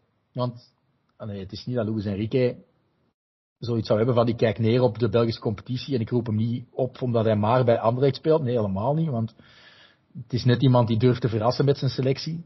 Uh, maar ja, als je al Alba hebt, als je al José Gaia hebt, heb je dan nog een derde uh, linksback nodig? Ja, misschien niet. Hè. Uh, dus uh, laten we hopen voor hem dat hij hetzelfde kan verwezenlijken wat hij bij de belofte verwezenlijkt bij, bij de Spaanse nationale ploeg, bij het, het A-elftal. en ik hoop dat hij ook nog langer bij Anderlecht blijft, want hij is echt wel een smaakmaker van onze competitie. Ja, en ik vind sowieso, Angelino heb je ook nog, die je kan oproepen. Dus die vind ik op dit moment ook qua ervaring en qua hoe die het bij Leipzig doet Laatste ook wel. duur. Zeker, maar goed, ja, het is, ik vond het gewoon heel knap hoe hij dat daar doet. En je hebt ook Pedro Porro hè, bij Sport. Ook, uh, maar dat is meer een rechtervleugelverdediger, toch? Die rechts? Ja, die is rechts, ja. Die is rechts. Um, maar goed, voor de rest is het wel een, uh, ja, het is wel een speler om in de gaten te houden, want uh, sowieso een speler uit de jeugd van Barcelona, en dan uh, pas 21 volgens mij, dat hij dan ja, zo presteert, 5 goals en 11 assists, dat zijn gewoon prima cijfers. En daar wordt natuurlijk ook wel, denk ik, denk dat hij nog blijft het seizoen bij Anderlecht ze zullen hem moeilijk kunnen houden als ze uh, ja, met de nodige centen zwaaien. Dan ben je als uh, ja, club die ook wel financiële problemen heeft gekend de voorbije jaren uh, gewoon ja, genoodzaakt om, om geld in kassel te krijgen. Hè. Dus dan ga je wel moeten verkopen als het juiste aanbod komt. Um, ook ja, Zirkzee, die wordt nu geleend. Ik denk niet dat Anderlecht echte centen heeft om hem definitief aan te werven. Ik denk dat ze eerder moeten hopen dat ze nog een extra seizoen kunnen huren. Um, maar ja, dat is de realiteit van veel clubs die in uh, financiële nare papieren zitten. Uh, bij Anderlecht oogt de toekomst wel rooskleurig, omdat er een hele herschikking geweest is ook van het bestuur. En uh, Mark Koeken, die nieuwe investeerders heeft aangetrokken. En die ook zelfs schulden heeft kwijtgescholden die de club nog had staan bij hem. Dus de toekomst ziet er goed uit, financieel gezien voor Anderlecht. Maar ze moeten wel nog schulden wegwerken op dit moment en putten zien te delven. En dan ben je gewoon als Belgische club, um, die misschien niet in de Champions League zal spelen. Want als ze uh, play-off 1 niet halen, dan is de titel denk ik sowieso, ja, dan is de titel gewoon nooit meer haalbaar. En is Champions League voetbal nooit meer haalbaar. En je hebt dat als Belgische club zijnde gewoon nodig, denk ik, om, om spelers van dat kaliber langer bij te houden. Uh, dus uh, het is moeilijk om die twee jongens volgend seizoen nog te mogen zien in onze, in onze competitie. Maar ik hoop het alvast wel. Ja, je ziet ook al uh, een club als Ajax. Van, uh, als Ajax ook al uh, dit jaar geen oh, Champions League haalt, dan wordt het al...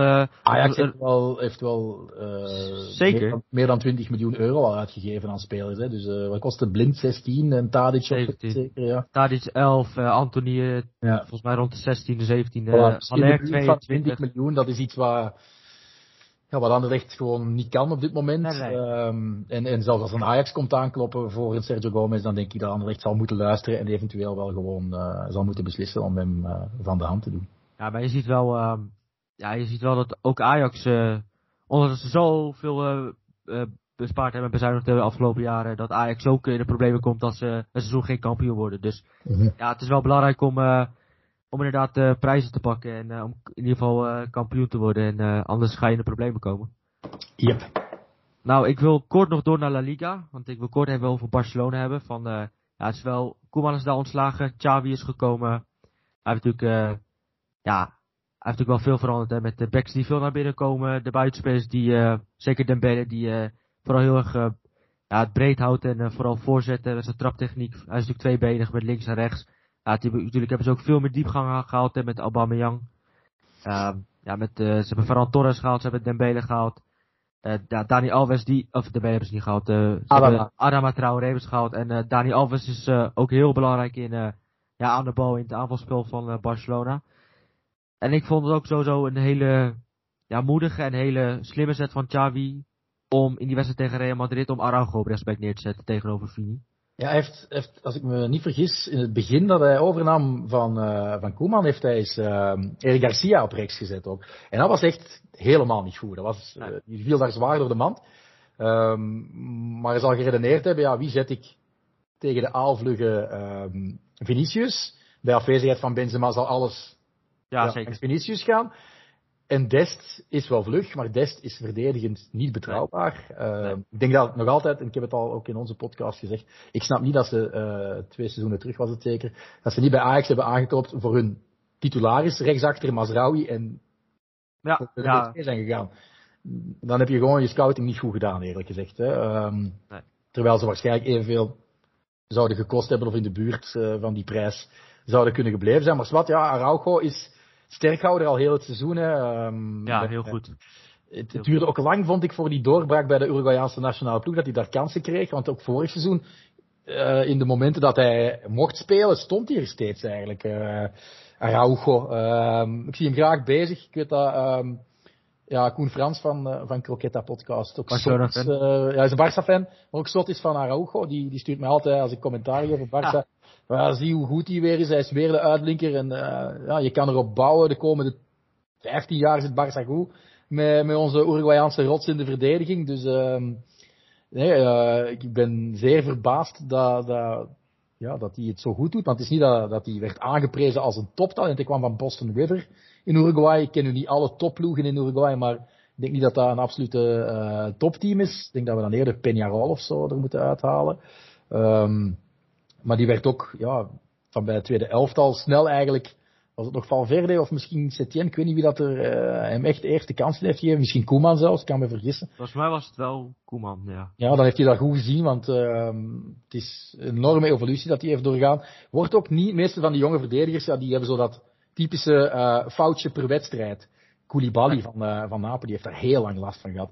Um, eerst bij Genk en dan bij Napoli ook nog. Maar, maar Araujo heeft dat niet.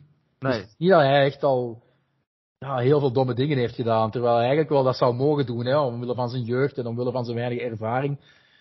Maar hij is ook ja, aanvallend sterk. Op spellervattingen is hij degene die af en toe ja. uh, een mooie kopbalgoal weet te maken. Dus uh, ik, vind, ik vind het echt wel uh, een briljantje. En iemand die ze echt absoluut, absoluut jaren, jaren aan een stuk moeten bijhouden. Want er werd ook gesproken dat ehm, ja, ze hem ook ten gelde wilden maken. Hè, dat er andere clubs hem en misschien in de zomer wilde halen. Uh, want het is niet gemakkelijk bij Barça om af en toe uh, contracten te verlengen. Uh, want dan moeten ze weer al beginnen spelen met, met lonen op de eerste jaren en lonen op de ja. latere jaren. Zodat ze dan kunnen rekening houden met het salarisplafond. Waar ik veel te weinig van ken eerlijk gezegd om dat fatsoenlijk uit te leggen aan de mensen. Maar ja, want over Araujo gesproken. Want ja, Araujo is natuurlijk fantastisch. Het enige wat ik wel vind dat hij nog moet verbeteren is het voetballend vermogen. Dat is nog wel wat minder. Maar ik vind ook wel... Als is je nu kijkt... al voetbal sterker dan Langley en Titi vind ik eerlijk gezegd. Dus, uh... Ja, ja, maar goed. Uh, om Titi is uh, natuurlijk nou het hele WK gebeuren gewoon echt helemaal niks meer van over. die zit daar gewoon zijn geld te tellen om Titi. En Langley vind ik sowieso ook, ook niet, zo, niet zo betrouwbaar. Maar ik vind wel heel knap dat, ja, dat Araujo natuurlijk ook met zijn breedte en hoe die gebouwd is, dat hij hij maakt, is niet zo onrustig als een Diego Carlos of als een, uh, nee, nee. als een Upamecano. En ja, wat je zei, hij is gewoon in die periode van Koeman, is hij eigenlijk gewoon de belangrijkste speler geweest. Zowel verdedigend als aanvallend. Ja, dat zegt wel heel veel over Barcelona toen. Maar zegt wel ook over Araujo, hoe die uh, ja, als een komeet uh, gekomen is. En ik vind bijvoorbeeld, uh, Eric Garcia speelde tegen Real Madrid, denk ik zijn beste wedstrijd voor Barcelona. Speelde was echt heel goed. Maar ik vind hem ook, kijk hij is natuurlijk hij speelt daar natuurlijk om zijn voetballende vermogen. Hè. En dat deed hij uitstekend tegen Real Madrid. Die ballen ja, elke keer in de laatste linie leggen. Um, maar je merkt natuurlijk wel dat hij zijn gebreken heeft. Hij is natuurlijk geen duelkracht. Hij is niet lang. Dus dat heeft hij wel. Ontbreekt wel aan hem achterin. Maar ik moet zeggen dat met een duidelijk idee. Hè, met een duidelijk uh, speelstijl en een duidelijk plan van Arteta. Dat hij, als hij weet wat hij moet doen, dat hij daar gewoon ook uh, uitstekend... Of Arteta, jongens. Uh, Xavi. Xavi. Ja. Over Arteta gesproken, eh, trouwens, die doet het ook, die uh, heeft ook, ja. doet het ook fantastisch. Uh, maar uh, over Xavi, ja, die, als hij een duidelijk speelstijl en een duidelijk plan heeft, dan kan hij daar gewoon excelleren. En ja, dat ontbrak wel eens. en hij is natuurlijk ook niet de snelste. Dus als hij gewoon, als het goed staat bij Barcelona, want het stond het zeker niet bij Barcelona de, onder Koeman. En nu staat het een stuk beter en dan kan hij ook meer in zijn kracht komen te spelen. En meer het voetballende vermogen. En dan zie je wel zijn kracht. En ik denk als je echt, echt een speler wil neerzetten die Um, perfect bij Barcelona zou passen naast Araujo, zou dat uh, Martinez zijn van Ajax. Mm -hmm. Die zou ik echt, uh, die heeft ook uh, duelkracht, die, heeft, die is ook echt sterk en heeft het voetballende vermogen. Ik denk dat dat ja, um, perfect zou passen daar bij Barcelona. En ja, over Masraoui, die was toen wel vaak geblesseerd. Toen, en dat was wel iets waardoor waarschijnlijk Barcelona, en Dest was ook nog een stuk jonger, een stuk, die werd, kwam ook als een komeet uh, begon niet bij Ajax. Uh, maar goed, ik denk dat Masri transfervrij dit jaar naar Barcelona gaat. Dus uh, uiteindelijk gaan ze hem toch binnenhalen. En ja, dat zijn wel dingen. En ja, ik vind sowieso wel Xavi ja, het heeft gedaan. Toen Xavi gekomen was, was het natuurlijk wel een stuk lastiger om zijn eigen speelstijl en zijn eigen plannen doorheen te werken. Maar ik las dat hij toen tijdens de interlandperiode, dat hij toen zijn speelstijl heeft, heeft besproken met de mensen die er waren. En heeft hij toen in die periode heeft hij eraan gewerkt. En sindsdien nou, draait het per week steeds beter bij Barcelona. En ik had ook nog gevraagd, denk je dat, dat Barcelona de komende jaren gaat heersen in La Liga? Ik vind dat een heel gemakkelijke vraag om op te antwoorden. Als ze de spelers die ze nu hebben kunnen bijhouden, ja. Als er niet ineens weer um, financiële problemen de kop opsteken dat ze de halve, halve spelerskern moeten uitlenen om binnen hun salarisplafond te blijven, dan wordt het moeilijk. Maar ik ben vooral blij dat, dat een, grote kind, van het huis, uh, die zoveel bewezen heeft als speler in, uh, in de cultuur van Barcelona, ja, dan eigenlijk misschien net iets te vroeg die job krijgt en ook onder moeilijke omstandigheden, maar dat hij er dan toch doorkomt, vind ik fantastisch. Want het had even goed gekund dat hij ja, niet beter deed dan Koeman. En dat, ja, op een gegeven moment stond Barça negende of tiende in het klassement. Hè. Stel je voor dat dat heel het seizoen had geduurd. Had Laporta dan genoeg geduld gehad met Xavi om hem bij te houden voor de komende twee, drie seizoenen. En dat, dat wens je eigenlijk zo'n man van de club waar alle supporters ja, volledig achter staan, wens je niet toe. Hè. Je hoopt dat hij dan ook het gewoon goed kan doen. En ik ben heel blij dat effectief en nu al toont um, dat hij dan toch wel iets in zijn mars heeft als trainer. Want we zeiden allemaal, ja, maar hij heeft in de zandbak in de woestijn uh, jaren gezeten en dat is geen referentie voor een trainer. Laat hem het nu maar eens bewijzen. Wel, heeft er een lik op stuk gegeven, toch? Ja, en uh, ja, over clubmannen. Je ziet het ook, uh, Pirlo uh, bij Juventus is er niet geworden. Dat is natuurlijk spijtig. Met Mark van Bommel bij PSV is het uiteindelijk niet geworden. Dus het is natuurlijk wel mooi dat uh, als clubman uiteindelijk wel daar slaagt. En ook duidelijk je idee overbrengt en ook echt spelers beter maakt. Want ja, wie had ooit gedacht dat Dembele nog zo zou presteren als hij nu doet. Dat, dat, iedereen had daar afscheid van genomen. Ja, voilà. En, niet bij Barcelona al sinds. Maar dat hij nee. zoiets nee. kan, dat wist ik al wel uiteraard. fit. Ik denk dat hij nog altijd, als je nu alle spelers opnoemt van Barça van de huidige kern. En je moet er één uitpikken die het grootste talent is, kom je bij Ousmane Dembélé uit. Zeker. Nee, zeker, want hij heeft het bij Dortmund bij Stade fantastisch gedaan. Omdat en, hij, eh, ja, maar hij is zo onvoorspelbaar in zijn dribbel. Ja. ja, en dat vind ik wel mooi, want hij is onvoorspelbaar. Ik vind hem nog wel best wel onrustig voor de goal. Maar dat moet dan moet het natuurlijk nog kunnen leren. Dat heeft Vinicius ook tijdje gehad, hè. Die doet het dit seizoen, heeft hij dat ook uh, opeens uh, dat uh, uit, als een komeet dit seizoen begint hij ook doelpunten te maken en assisten te geven. Maar ik vind dat heel knap dat Dembele vooral nu Xavi heeft dat natuurlijk, heeft daar natuurlijk een groot aandeel gehad. Dat hij meer als aangever speelt. Meer met zijn, met zijn paasjes. Nou, je hebt het de wedstrijd gezien tegen Real Madrid. Maar ook daarvoor volgens mij tegen Bilbao. Dat hij gewoon, ja, gewoon heel vaak het spel breed houdt. En dan met zijn, natuurlijk tweebenig. Met links en rechts. Dat hij gewoon een geweldige traptechniek heeft. En hem eigenlijk steeds voor de goal gooit. Uh, met Aubameyang die daar staat vaak ook. Dus je ziet dat hij wel uh, steeds meer... Uh, dat hij een man voorbij gaat en een voorzet geeft. Toch wel meer gemakkelijke, hij krijgt een gemakkelijke taakbeschrijving van, van Xavi. Van maak het niet te moeilijk. Ga een man voorbij en dan je bent tweebenig en geef hem dan voor. En je hebt een goede paas in de benen. Ja, dat, dat zie je ook wel dat dat tot uiting komt bij hem. En dat vind ik wel knap van dat ondanks dat Barcelona natuurlijk in de winterstop heel veel nieuwe spelers erbij heeft gehad. En natuurlijk een stuk beter elftal is, zie je ook wel duidelijk dat Barcelona onder Xavi ook gewoon veel beter speelt. En dat was ook bij Koeman. Ik, ik zat me dood te ergeren aan duizend voorzetten van Dest in die, bij, bij Barcelona. Die vaak een voorzet gaf op helemaal niemand uh. Want ja, Memphis, die is klein. Dus er werd gewoon per wedstrijd gewoon, het leek op het voetbal van uh, Kikker Rush in Engeland wat Barcelona liet zien. Was er één wedstrijd, er was het 53 voorzetten hadden of zoiets. Ja, 53 ja. voorzetten waarvan de helft niet eens aankwam. Ja, ja dat was, het, was dat die wedstrijd dat ze dan ook met Piqué, Araujo en Luc de Jong spits stonden. Dat, dat was voor mij het dieptepunt ja, van Koeman. Toen, toen dacht je wel echt van ja, dit is toch in Barcelona. Dit kan, ondanks, uh, ondanks dat uh, Koeman uh, op een gegeven moment ook wel met blessureleed zat en dat soort dingen. Maar ja, dat, is, dat kan niet. Dat, dat is gewoon schandalig. En dat vind ik wel onder Xavi is dat zoveel beter natuurlijk. Ja, ja, het is ook het charisma van een coach doet veel voor de perceptie. En ik ben nooit de grootste fan van Ronald Koeman geweest, omdat ik vind dat hij altijd een soort negativiteit uitstraalt. Dat heb je bij Xavi totaal niet.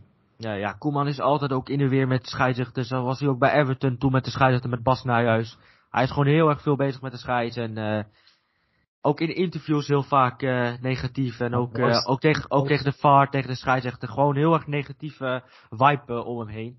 En ja, Xavi is gewoon de rust zelf. En ook hoe mooi hoe die dan even met de oude garde in de kleedkamer toe uit bij Real Madrid even met Busquets even even op de rug tikken, weet je, met Piqué even omhelzen. Ja, dat is wel mooi dat die spelers natuurlijk samen hebben gespeeld. En dat ze nu onder Xavi ook gewoon een stuk beter presteren. Want ja, Busquets is een stuk beter, Piqué is, presteert weer een stuk beter. Want het staat veel beter bij Barcelona. En die spelers zijn niet meer de snelste, maar als het goed staat bij Barcelona, hetzelfde geldt uiteindelijk nu ook bij Chelsea staat. Toen onder Lampert uh, was het, uh, lagen er uh, zeeën van ruimtes, lag alles open en uh, kwamen spelers als Jorginho constant te zwemmen en met, die is natuurlijk traag.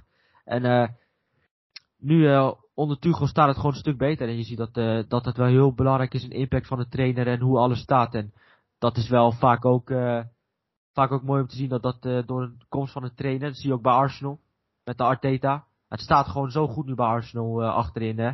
Met Ben White die het achterin heel goed doet met vooral zijn voetballende vermogen. En dan heb je daarnaast Gabriel die uh, verdedigend uh, duelkracht. En dan heb je Thomas Party ervoor. Het staat gewoon fantastisch voorin, uh, Eudegaard. En dat is wel dat is wel mooi om te zien hoe een trainer dat zo'n invloed heeft op zo'n elftal. En ja, Barcelona, het is niet de laatste, dus ze gaan natuurlijk geen kampioen worden. Want Real Madrid heeft die wedstrijd ook gewoon niet serieus genomen. Hè. Benzema was er niet bij. En je ziet ook wel gelijk als Benzema er niet bij is ja, dan alles draait om een Die wedstrijd hebben ze wel serieus genomen, maar de tactiek sloeg gewoon op niks.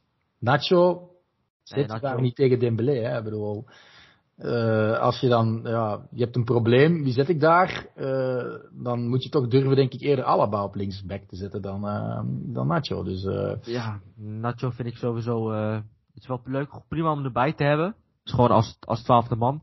Alleen ik vind hem, ik vind hem niet geschikt voor in de basis bij Barcelona. Of bij Real Madrid. Ja, ja. Mendy was er niet. Marcelo, daar wordt geen beroep meer op gedaan. Maar ik denk zelfs dat Marcelo het beter had gedaan tegen Dembélé dan, uh, dan uh, Nacho Fernandes. En ik vind Nacho als centrale verdediger heeft hij wel zijn verdiensten. Um, nu niet dat hij de voorkeur moet krijgen op, op Militao, maar ik vind wel dat hij genoeg is inderdaad voor, voor kernopvulling. Zeker. Um, maar om in een Classico uh, de gevaarlijkste speler van Barcelona aan banden te leggen, dat leek me redelijk optimistisch van Ancelotti. Maar ik vaak, merk wel vaak uh, bij hem dat hij wel... Het is vaak wel onzeker en hij maakt vaak, vaak wel, gaat wel vaak dingen fout. Hè. Zeker uh, ja, op snelheid, dat soort dingen gaat bij hem best wel vaak fout. Maar hij is wel iemand die hij is voor twaalfde man gewoon op uitstekend ontbijt hebben. Want uh, hij is ook wel gevaarlijk bij spelsituaties. Maakt hij ook wel, maakt ook wel goals. En het is gewoon een prima speler om erbij te hebben. Maar als basisspeler, zeker in zo'n klassico. maar ja goed, wat Joe zei, uh, de basisspeler is afwezig. Maar ik vind ook zo'n zo Carvajal, vind ik ook... niet meer hetzelfde sinds zijn blessure? Nee, nee, ook niet meer hetzelfde als zijn blessure. En uh, ik vind dat wel vooral een... Het is niet mijn type back, weet je wel. Het is niet, niet zo'n uh, type back die er heel veel overheen komt en... uh, dus ik snap bijvoorbeeld ook niet waarom ze Hakimi hebben laten gaan. Want dat vond ik wel echt, dat vind ik wel echt, natuurlijk, waarschijnlijk Zidane die houdt het, hield natuurlijk heel veel van, van vastigheden, hè. Carvajal heeft daar natuurlijk jaren mee de Champions League gewonnen. En hij is verdedigend natuurlijk gewoon een stuk stabieler. Um, maar ja, de kwaliteit van Hakimi, zeker in aanvallend opzicht, ja, dat die komt bij lange na niet, uh, Carvajal komt daar bij, de la, bij lange na niet in de buurt. Ik vind Carvajal gewoon een vrij degelijke rechtsback waar je op kan bouwen. Alleen, ja, ik snap gewoon niet waarom ze Hakimi hebben laten gaan. En dat zijn wel een paar dingen dat, uh, dat wel ook bij Real Madrid wel onbegrijpelijk is. Mm En, uh, dus ja, dat zijn wel dingen die me opvallen. Maar wat ik vooral bij Real Madrid, ja, het middenveld vind ik wel echt, uh, ja, dat is wel iets waar ik van geniet. En Modric op uh, 37-jarige leeftijd, hoe die, ja, presteert bij Real Madrid nog steeds. In die wedstrijd tegen Paris Saint-Germain bijvoorbeeld. Uh, toen hij Real Madrid uh, op sleeptouw nam. Ja, dat vind ik wel, er wordt wel eens, maar hij is gewoon 37 en Modric en dan nog steeds zo presterend. Ja, ja, en Kroos is ook niet meer de jongste. Nee, en je hebt Casemiro gewoon um, ja, de Mark van Bommel van Real Madrid. Um, denk dat hij als eerste op het wedstrijdblad staat en iedereen weet goed genoeg waarom. Um, was ook vorig seizoen vice clubtopschutter. Hè? Dat zijn de mensen misschien al vergeten. Uh, dat hij na Benzema de meeste goals had gemaakt in La Liga voor Real Madrid. Dus uh, nee, goed middenveld, betrouwbaar middenveld. Uh, maar Ancelotti heeft gewoon echt de verkeerde keuze gemaakt door met Valverde, wat ook een, on, uh, een onderschatte pion is, maar die als valse negen uit te spelen, nee. vond, ik, vond ik best bizar. Um, je had eigenlijk misschien Valverde zelfs nog linksachter kunnen zetten. Dus, uh, Had ook gekund, ja. Maar die, die kan alle posities aan. Nee, nee, dat middenveld van Real Madrid is, uh, is uitstekend en daar kan denk ik nog wel twee jaar mee. Ja, en uh, Asensio die dit seizoen ook uh, weer een beetje op, op niveau is. Hè. Dit is ook heel belangrijk als hij invalt bij Real Madrid. Ook als, als middenvelder heeft hij gesp vaak gespeeld. Dit is ook een trick gemaakt toen als, als vals 9 of als, als aanval middenvelder. Dus het is ook wel mooi om te zien dat hij natuurlijk na zijn blessure nu wel belangrijk is geworden voor Real Madrid. En ze hebben natuurlijk uh, Militao die sinds vorig jaar april opeens ja, uitstekend die uitstekend die rol heeft overgenomen uiteindelijk nu van Sergio Ramos. En ik vind het wel knap als je ziet dat Varaan en Ramos zijn vertrokken en dan nu met uh, een heel ander centrum dat ze eigenlijk zo goed presteren.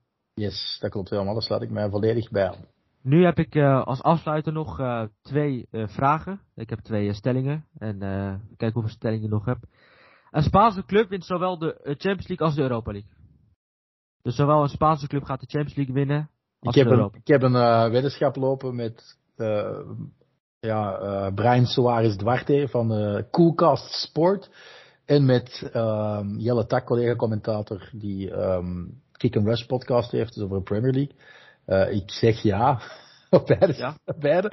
Uh, maar ik ging er wel vanuit dat er minstens één van de twee Sevillaanse clubs de horde in de Europa League hadden overleefd, wat niet gebeurd is.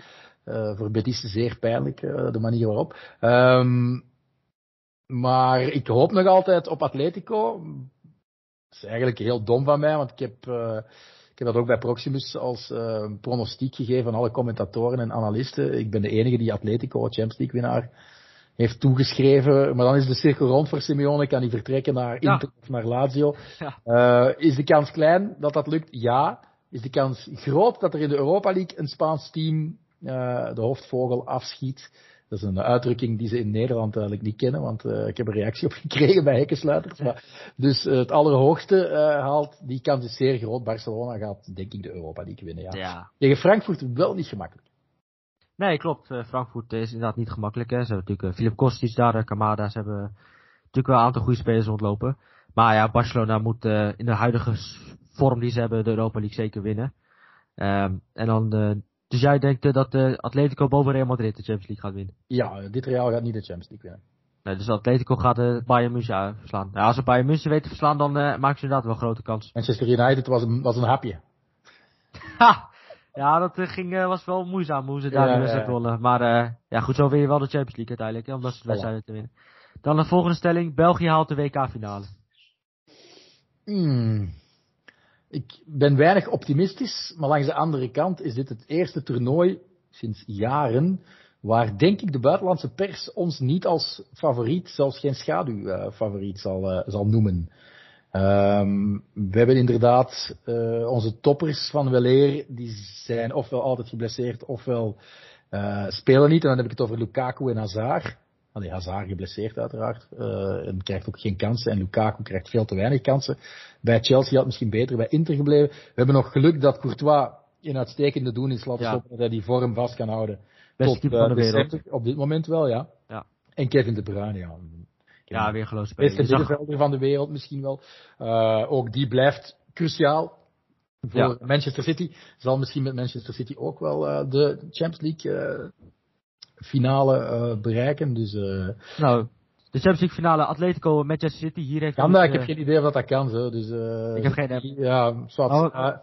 maar uh, ja, Kevin De Bruyne, Courtois, maar dat is net iets te weinig om echt kunnen zeggen, wij horen het nog altijd tot het krantje favorieten. Het is, het is, het, collectief dat het doet, uiteraard. We hebben ook niet de allerbeste bondscoach. Als je het vergelijkt met alle andere coaches, denk ik dat er toch wat meer uh, kwaliteit bij een paar andere landen zit. Uh, op de bank, uh, in de dugout, als de man die het voor het zeggen heeft. Maar langs de andere kant, vanuit een underdog rol kan je altijd verrassen. Een beetje zoals de Denen ooit het EK gewonnen hebben. Um, misschien moeten we ons daarop richten en dan kunnen we misschien wel de finale halen. Maar dat is een grote misschien, eerlijk gezegd. Ja, nou ja, goed, wat ik wel bij, uh, nou ja, goed, Eden Hazard, ja, de hele situatie van Eden Hazard is wel treurig, hè. Bij Chelsea, uh, fantastisch. Ja, ze ik heb er al genoeg woorden aan vuil gemaakt. Ik ben geen fan van Ancelotti, van de manier waarop hij Hazard heeft behandeld. Um, uh, dit jaar ook valt hem weinig te verwijten, denk ik, qua houding, qua ja. professionaliteit. Uh, alleen heeft hij weer uh, nu gekozen om een operatie door te voeren, een plaatje laten weghalen aan de enkel dat hem waarschijnlijk wel irriteerde. Gaat dat het verschil maken?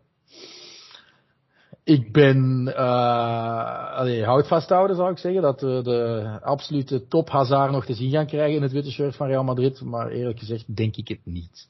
Ja, het heeft ook de pech dat Vinicius, Vinicius dit jaar gewoon, ja, gewoon zo goed is. Ah, pech, ik denk zelfs zonder Vinicius had hij nog Asensio geprefereerd, nee, Garrett Bale geprefereerd. Dus, uh, nee, maar goed, hij is natuurlijk wel, uh, Vinicius, Vinicius is natuurlijk wel onomstreden nu links, linksbuiten. Ja, ging... trouwens uh, Villarreal Bayern, hè, en ik was wel aan het denken dat dat niet, het is Manchester City. Um, oh ja, ja. Atletico, het is dus nou, de finale ja. kan niet voor Kevin De Bruyne. Nee, oh ja, nee, Atletico Bayern was natuurlijk de eerste loting toen het misging uh, in de ja, ja, ja. loting. Toen was het wel Atletico. Real tegen Bayern en uh, Atletico tegen. Ja. Nou ja, goed, alsnog een uh, Spaanse club tegen Bayern München. Ja, ja. ja. Dus, Villarreal gaat de Champions League niet winnen, denk ik. Nee, dat denk ik ook niet. Daarom is wel heel, heel knap Juventus ja, Ik was al aan het denken, Man City, Kevin De Bruyne, dat kan niet, want het is... Nee. Nee, maar ja, Eden Hazard, ja, hij heeft natuurlijk, het is wel, het ging wel, uh, dit seizoen natuurlijk hoe Vinicius daar uh, begon. Is natuurlijk ook nooit een optie geweest om uh, Hazard boven Vinicius te, was geen optie geweest om Vinicius eruit te halen. Dus dat is wel één positie die... Ja, dat Rodrigo vergeten ook, die nog de voorkeur zou genieten. Ook. Wel, die speelt natuurlijk wel vaak aan de rechterkant, maar die kan ja, ook, maar ja. die kan ook, die, ja, goed. En, er zijn er genoeg vleugelaanvallers over om Eden Hazard nog minder kansen te schenken. Hè. Ja. Zal ja, Van Verde daar kunnen zitten, of op rechts kunnen zitten, en dan Rodrigo op links. Uh, okay, Garrett Bale zal ook wel naar de uitgang geduwd worden. Zeker. Maar in, Zeker. in het begin van het seizoen heeft Ancelotti die nog een paar basisplaatsen geschonken omdat hij hier nog mee samengewerkt heeft in zijn eerste passage bij, bij Real Madrid. Uh, maar Eden, Eden Hazard begin van zo'n echt wel de kansen gehad hoor. Die heeft ook wel best wel vaak... Ja, maar dan ook maar zo drie wedstrijden uh, waar hij dan een beetje de zwarte schaap was als het niet goed ging. Terwijl ja, het dan een collectieve verantwoordelijkheid was en dan werd er toch weer op hem gemikt. Maar ik voel altijd al, en dat zag ik ook in het begin van het seizoen, dat, dat hij minder ballen krijgt die hij vroeger automatisch kon opeisen. Dat ze gewoon de ploegmaat te weinig vertrouwen in zijn, in zijn kunnen en zijn kwaliteiten hebben, omdat ze hem nog nooit hebben gezien in de vorm van Chelsea. Hè. Nee, en uh, hetzelfde geldt... Chelsea alle ballen eerst langs Hazard gingen, en dat gebeurt niet bij Real Madrid. Zeker, nou is Benzema natuurlijk ook wel echt de, de, de main man uh, bij Real Madrid. Uh, maar goed, Vinicius heeft daar ook last van gehad, hè. Toen uh, Benzema hem helemaal negeerde, ja, dat soort dingen. Dus Tegen Mönchengladbach was dat, hè, in de kleedkamer, de gesprekje dat ze hem moesten negeren, de andere spelers, dat opgepikt werd door de Ja. camera's, door de microfoons, maar heeft zich genoeg bewezen, denk ik, dat we nu niet Zeker. kunnen zeggen dat het tussen Benzema en, eh, en Vinicius niet goed zit. om even door te gaan, uh, om zo meteen af te ronden, over België. Uh, je hebt natuurlijk Arthur Theater. Dat is, vind ik, een hele goede centraal verdediger die bij Bologna doorkomt. En dat vond ik wel eens bij, uh, bij België, de centrale verdedigers, was nog wel een issue, hè. Want er was... Onze beste centrale verdediger is op pensioen gegaan net. Dus allee, Thomas Vermalen speelde in Japan, Ja, niet meer in de ja. topcompetitie uiteraard, maar op het TK was hij de uitblinker van alle Ja. verdedigers van, eh, van de Rode Duivels. Dus, eh. Vertongen speelt wel nog bij een topclub, heeft net nog Ajax uitgeschakeld, nog eens even vermelden. Ehm eh, en, en Alderweireld is ook naar Qatar verhuisd, dus ja, die wordt ook niet meer echt uitgedaagd, week in week uit, oh, tegen de absolute top van de wereld. Eh, Ja. Is dat onze Achilleshiel? Ja. Is Arthur Theaat de oplossing? Hmm. Nog groen, heel groen achter de oren. Nee, maar het is wel eh, zo'n eh, speler die je nu hebt voor de toekomst. Want dat op was nog wel eens twijfels van hoe gaat het de Ja, toekomst van de Belgische verdedigers. een driemansdefensie zie ik hem doorgroeien naar eventueel een rol als titularis bij de nationale ploeg. Als hij zijn, eh, zijn opgang kan verder zetten. We hebben nog Wout Vaas bij Stade Reims. Eh, we hebben eh Boyata bij Berlin, bij De bij Lyon. Want De Nayer, Boyata, ja, die krijgen ook soms onterecht te veel kritiek. Maar je voelt wel aan alles dat, dat het nog altijd geen nieuwe Vermalens, Vertongens of Alderweireld zijn. En ik denk ook dat we daar op dit moment gewoon eerlijk moeten zijn en dat we dat ook nooit meer gaan krijgen. Of Company ben ik dan nog vergeten. Zelfs Daniel van Buiten, ehm, die misschien bankzitter was bij, bij Bayern München, maar toch wel zijn wedstrijden speelde. Eh, en eerder bij ASV en Marseille wel titularis was uiteraard. Ik denk, we zeiden vroeger altijd Zinho van Heusden, dat is de next big thing achterin. Zoveel blessures gekend, dat dat volgens mij nooit meer echt, echt, echt goed komt. En dat hij zich ook eh, zal eh, moeten tevreden stellen met ja, Genoa of terug naar België keren en daar eventueel eh, top of semi-top ambiëren. Ik denk niet dat daar echt nog een eh, potentiële topper in zit. Jammer genoeg, het heeft allemaal met blessures te maken. Ehm, maar de spoeling is gewoon iets minder, minder dik. hè. Ja, nou ja, goed. ehm, natuurlijk Hans van Aken die vaak ook aan de rechts, recht buiten speelt bij België aan die rechterkant. En je hebt ook, die kan je niet in de verdediging droppen. Hè? Nee, nee, nee, maar we hebben het over gewoon over het algemeen nu het, de hele Belgische ja, opstelling. En je hebt ook Charles de Ketelare, ook een groot talent. Die heb je ook nog. Mm -hmm. ook de vraag hoe die dan. waar, denk je dat hij weggaat na dit seizoen? Of dat blijft hij nog ik bij? Ik wel, ja. Ik denk dat hij moet vertrekken. Uh, andere oorden opzoeken. Zich laten uitdagen in een andere competitie. Het liefst de Bundesliga, denk ik. Ik denk dat dat het meest op zijn ja, lijst zou wel mooi, zou een mooie competitie En dan denk je dat hij dan ook basisspeler is? Uh, basisspeler bij? vanaf, hè. Bij Frankfurt denk ik wel, eerlijk gezegd. Nee, maar over WK op WK. Ah, WK? nee, dat denk ik niet. Nee, dus wie, uh, wie denk je dan uh, dat, uh, hoe denk je dan dat de opstelling eruit gaat zien op het WK? Dingen als Doku fit is dat de bondscoach Doku gaat prefereren omdat hij gedaan ah, die was goed. Die was op ook goed op. Ja, ook. Ja. Dus uh, ja, basiself. Ik weet dat hij zot is van Trossard. Ik ben ook wel fan van Leandro Trossard. Uh, misschien dat hij wel op de, op de deur klopt. Charles mag van mij in de basis, hè, maar ik heb, ik heb geen idee. Ik kan niet in het hoofd van Martinez kruipen. Januzaj hoop ik dat erbij is, maar ja, dat, dat is altijd een kantje boordje. Uh, ik vind dat dat een profiel, ik vind dat dat een profiel is dat je altijd moet hebben in je groep, want die kan um, ja, in de meest zenuwachtige wedstrijd inkomen en uh, totaal niet, niet nerveus zijn. Nee. En, en proberen iemand te passeren met een geweldige beweging en u weet ook nog eens een, een doelpunt maken. Dus uh, heeft eigenlijk ook nog niet zoveel teleurgesteld. Hoor. Bij de Rode Duivels is een beetje de teneur die, die in de pers soms wel hangt. Um, Oké, okay, ja, Januza doet het nu goed bij Real Sociedad. Het is niet dat hij de geweldige cijfers uh, kan, kan bovenhalen, maar hij is gewoon een type die, die we te weinig hebben, denk ik. Een man die met één flits uh, het kan openbreken. Je hebt ook Carrasco uiteraard, die dat ook kan.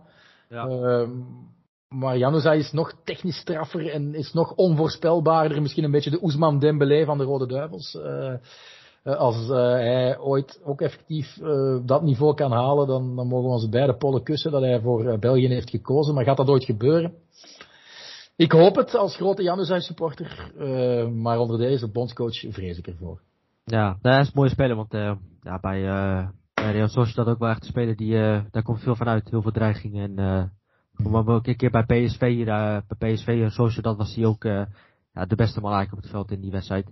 Ja. Uh, je hebt ook nog Alexis Salemakers, die af en toe nog, ja, af en toe wel goede dingen laat zien, maar ook vaak een beetje wisselvallig. Maar dat is ook wel een speler die, om in de gaten te houden natuurlijk. ja, Carrasco die eigenlijk al, ja, natuurlijk, wat ik wel bij hem vreemd vond dat hij naar China is gegaan op die leeftijd, want hij heeft waarschijnlijk wat geld zitten ophalen, maar hij had ook een kapotte knie, is daar fantastisch van teruggekeerd. Niemand had eigenlijk gedacht dat, uh, dat hij dat niveau nog kon. Hè. Uh, als je, ja, Axel Witsel heeft wel hetzelfde gedaan. Hè. Naar China gegaan, van Zenit zeker. Uh, en dan teruggekeerd naar Dortmund en in zijn eerste twee seizoenen echt wel uitstekend voor de dag kwam. Um, maar Carrasco is op dit moment een van de meest bepalende spelers. Ja. Als hij niet geschorst is uiteraard, want dat heeft hij nog te veel. Van die momenten dat uh, het licht uitgaat. Maar ik zie Carrasco heel graag bezig. Ik ben heel blij dat hij effectief die rol nu heeft kunnen afdwingen bij, bij een team als Atletico. Want in zijn eerste seizoen was er toch dikwijls twijfel. Is hij wel goed genoeg om een basisplek te krijgen? En denkt hij ook wel mee in de filosofie van de coach? Ik denk dat op dit moment Simeone misschien zelfs nog het goed vindt dat hij af en toe over de rode gaat. En dat hij af en toe zich laat uh, opjutten, want dat wil Simeone zien, hè? de vechtersmentaliteit, en dat heeft hij wel op dit moment. En hij is fit, en hij is nog altijd razendsnel, en langs de lijn heeft hij dribbels in huisdier, maar wel. Ja, schitterend. Ik, uh, heel vaak ook als ik Atletico zie, en dan heeft hij de bal, en gewoon hele mooie dribbles, acties. En, uh, het, het, wat er veranderd is, is dat de anderen ook naar, zij, naar, naar hem kijken en hem die bal geven, om, als het moeilijk is, het verschil te maken. En dat was in zijn eerste periode niet het geval. Zeker, en hij heeft natuurlijk ook, ook bij Atletico ook heel vaak als een wingback gespeeld. Mm -hmm. Dit seizoen. En, uh, dat heeft hij bij de Rode Duivels eerst gedaan, hè, bij oh. Martinez.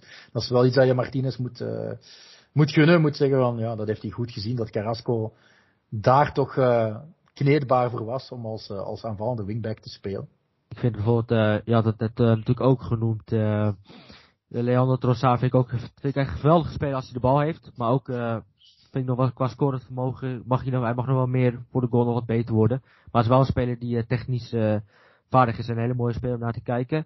En je hebt natuurlijk ook nog uh, Kastanje, die, uh, die uh, aan, die, aan, de rechterkant de hele tijd te gaan en een goede trap heeft. Dus dat, daar zit het op zich wel goed. En wat ik wel afvraag is, je hebt ook nog voor achterin Den Donker. Is dat nog iemand die centraal achterin nog een optie is? Want die speelt hij bij Wolves ook. Voor Martinez wel, maar speelt bij Wolves toch meer in het middenveld, hè? Ja, maar hij heeft ook vaak genoeg als centrale verdediger gespeeld. Ja, ik, Als middelste centrale verdediger heeft hij vaak ook gestaan. ik zie hem liever in het middenveld dan in de verdediging.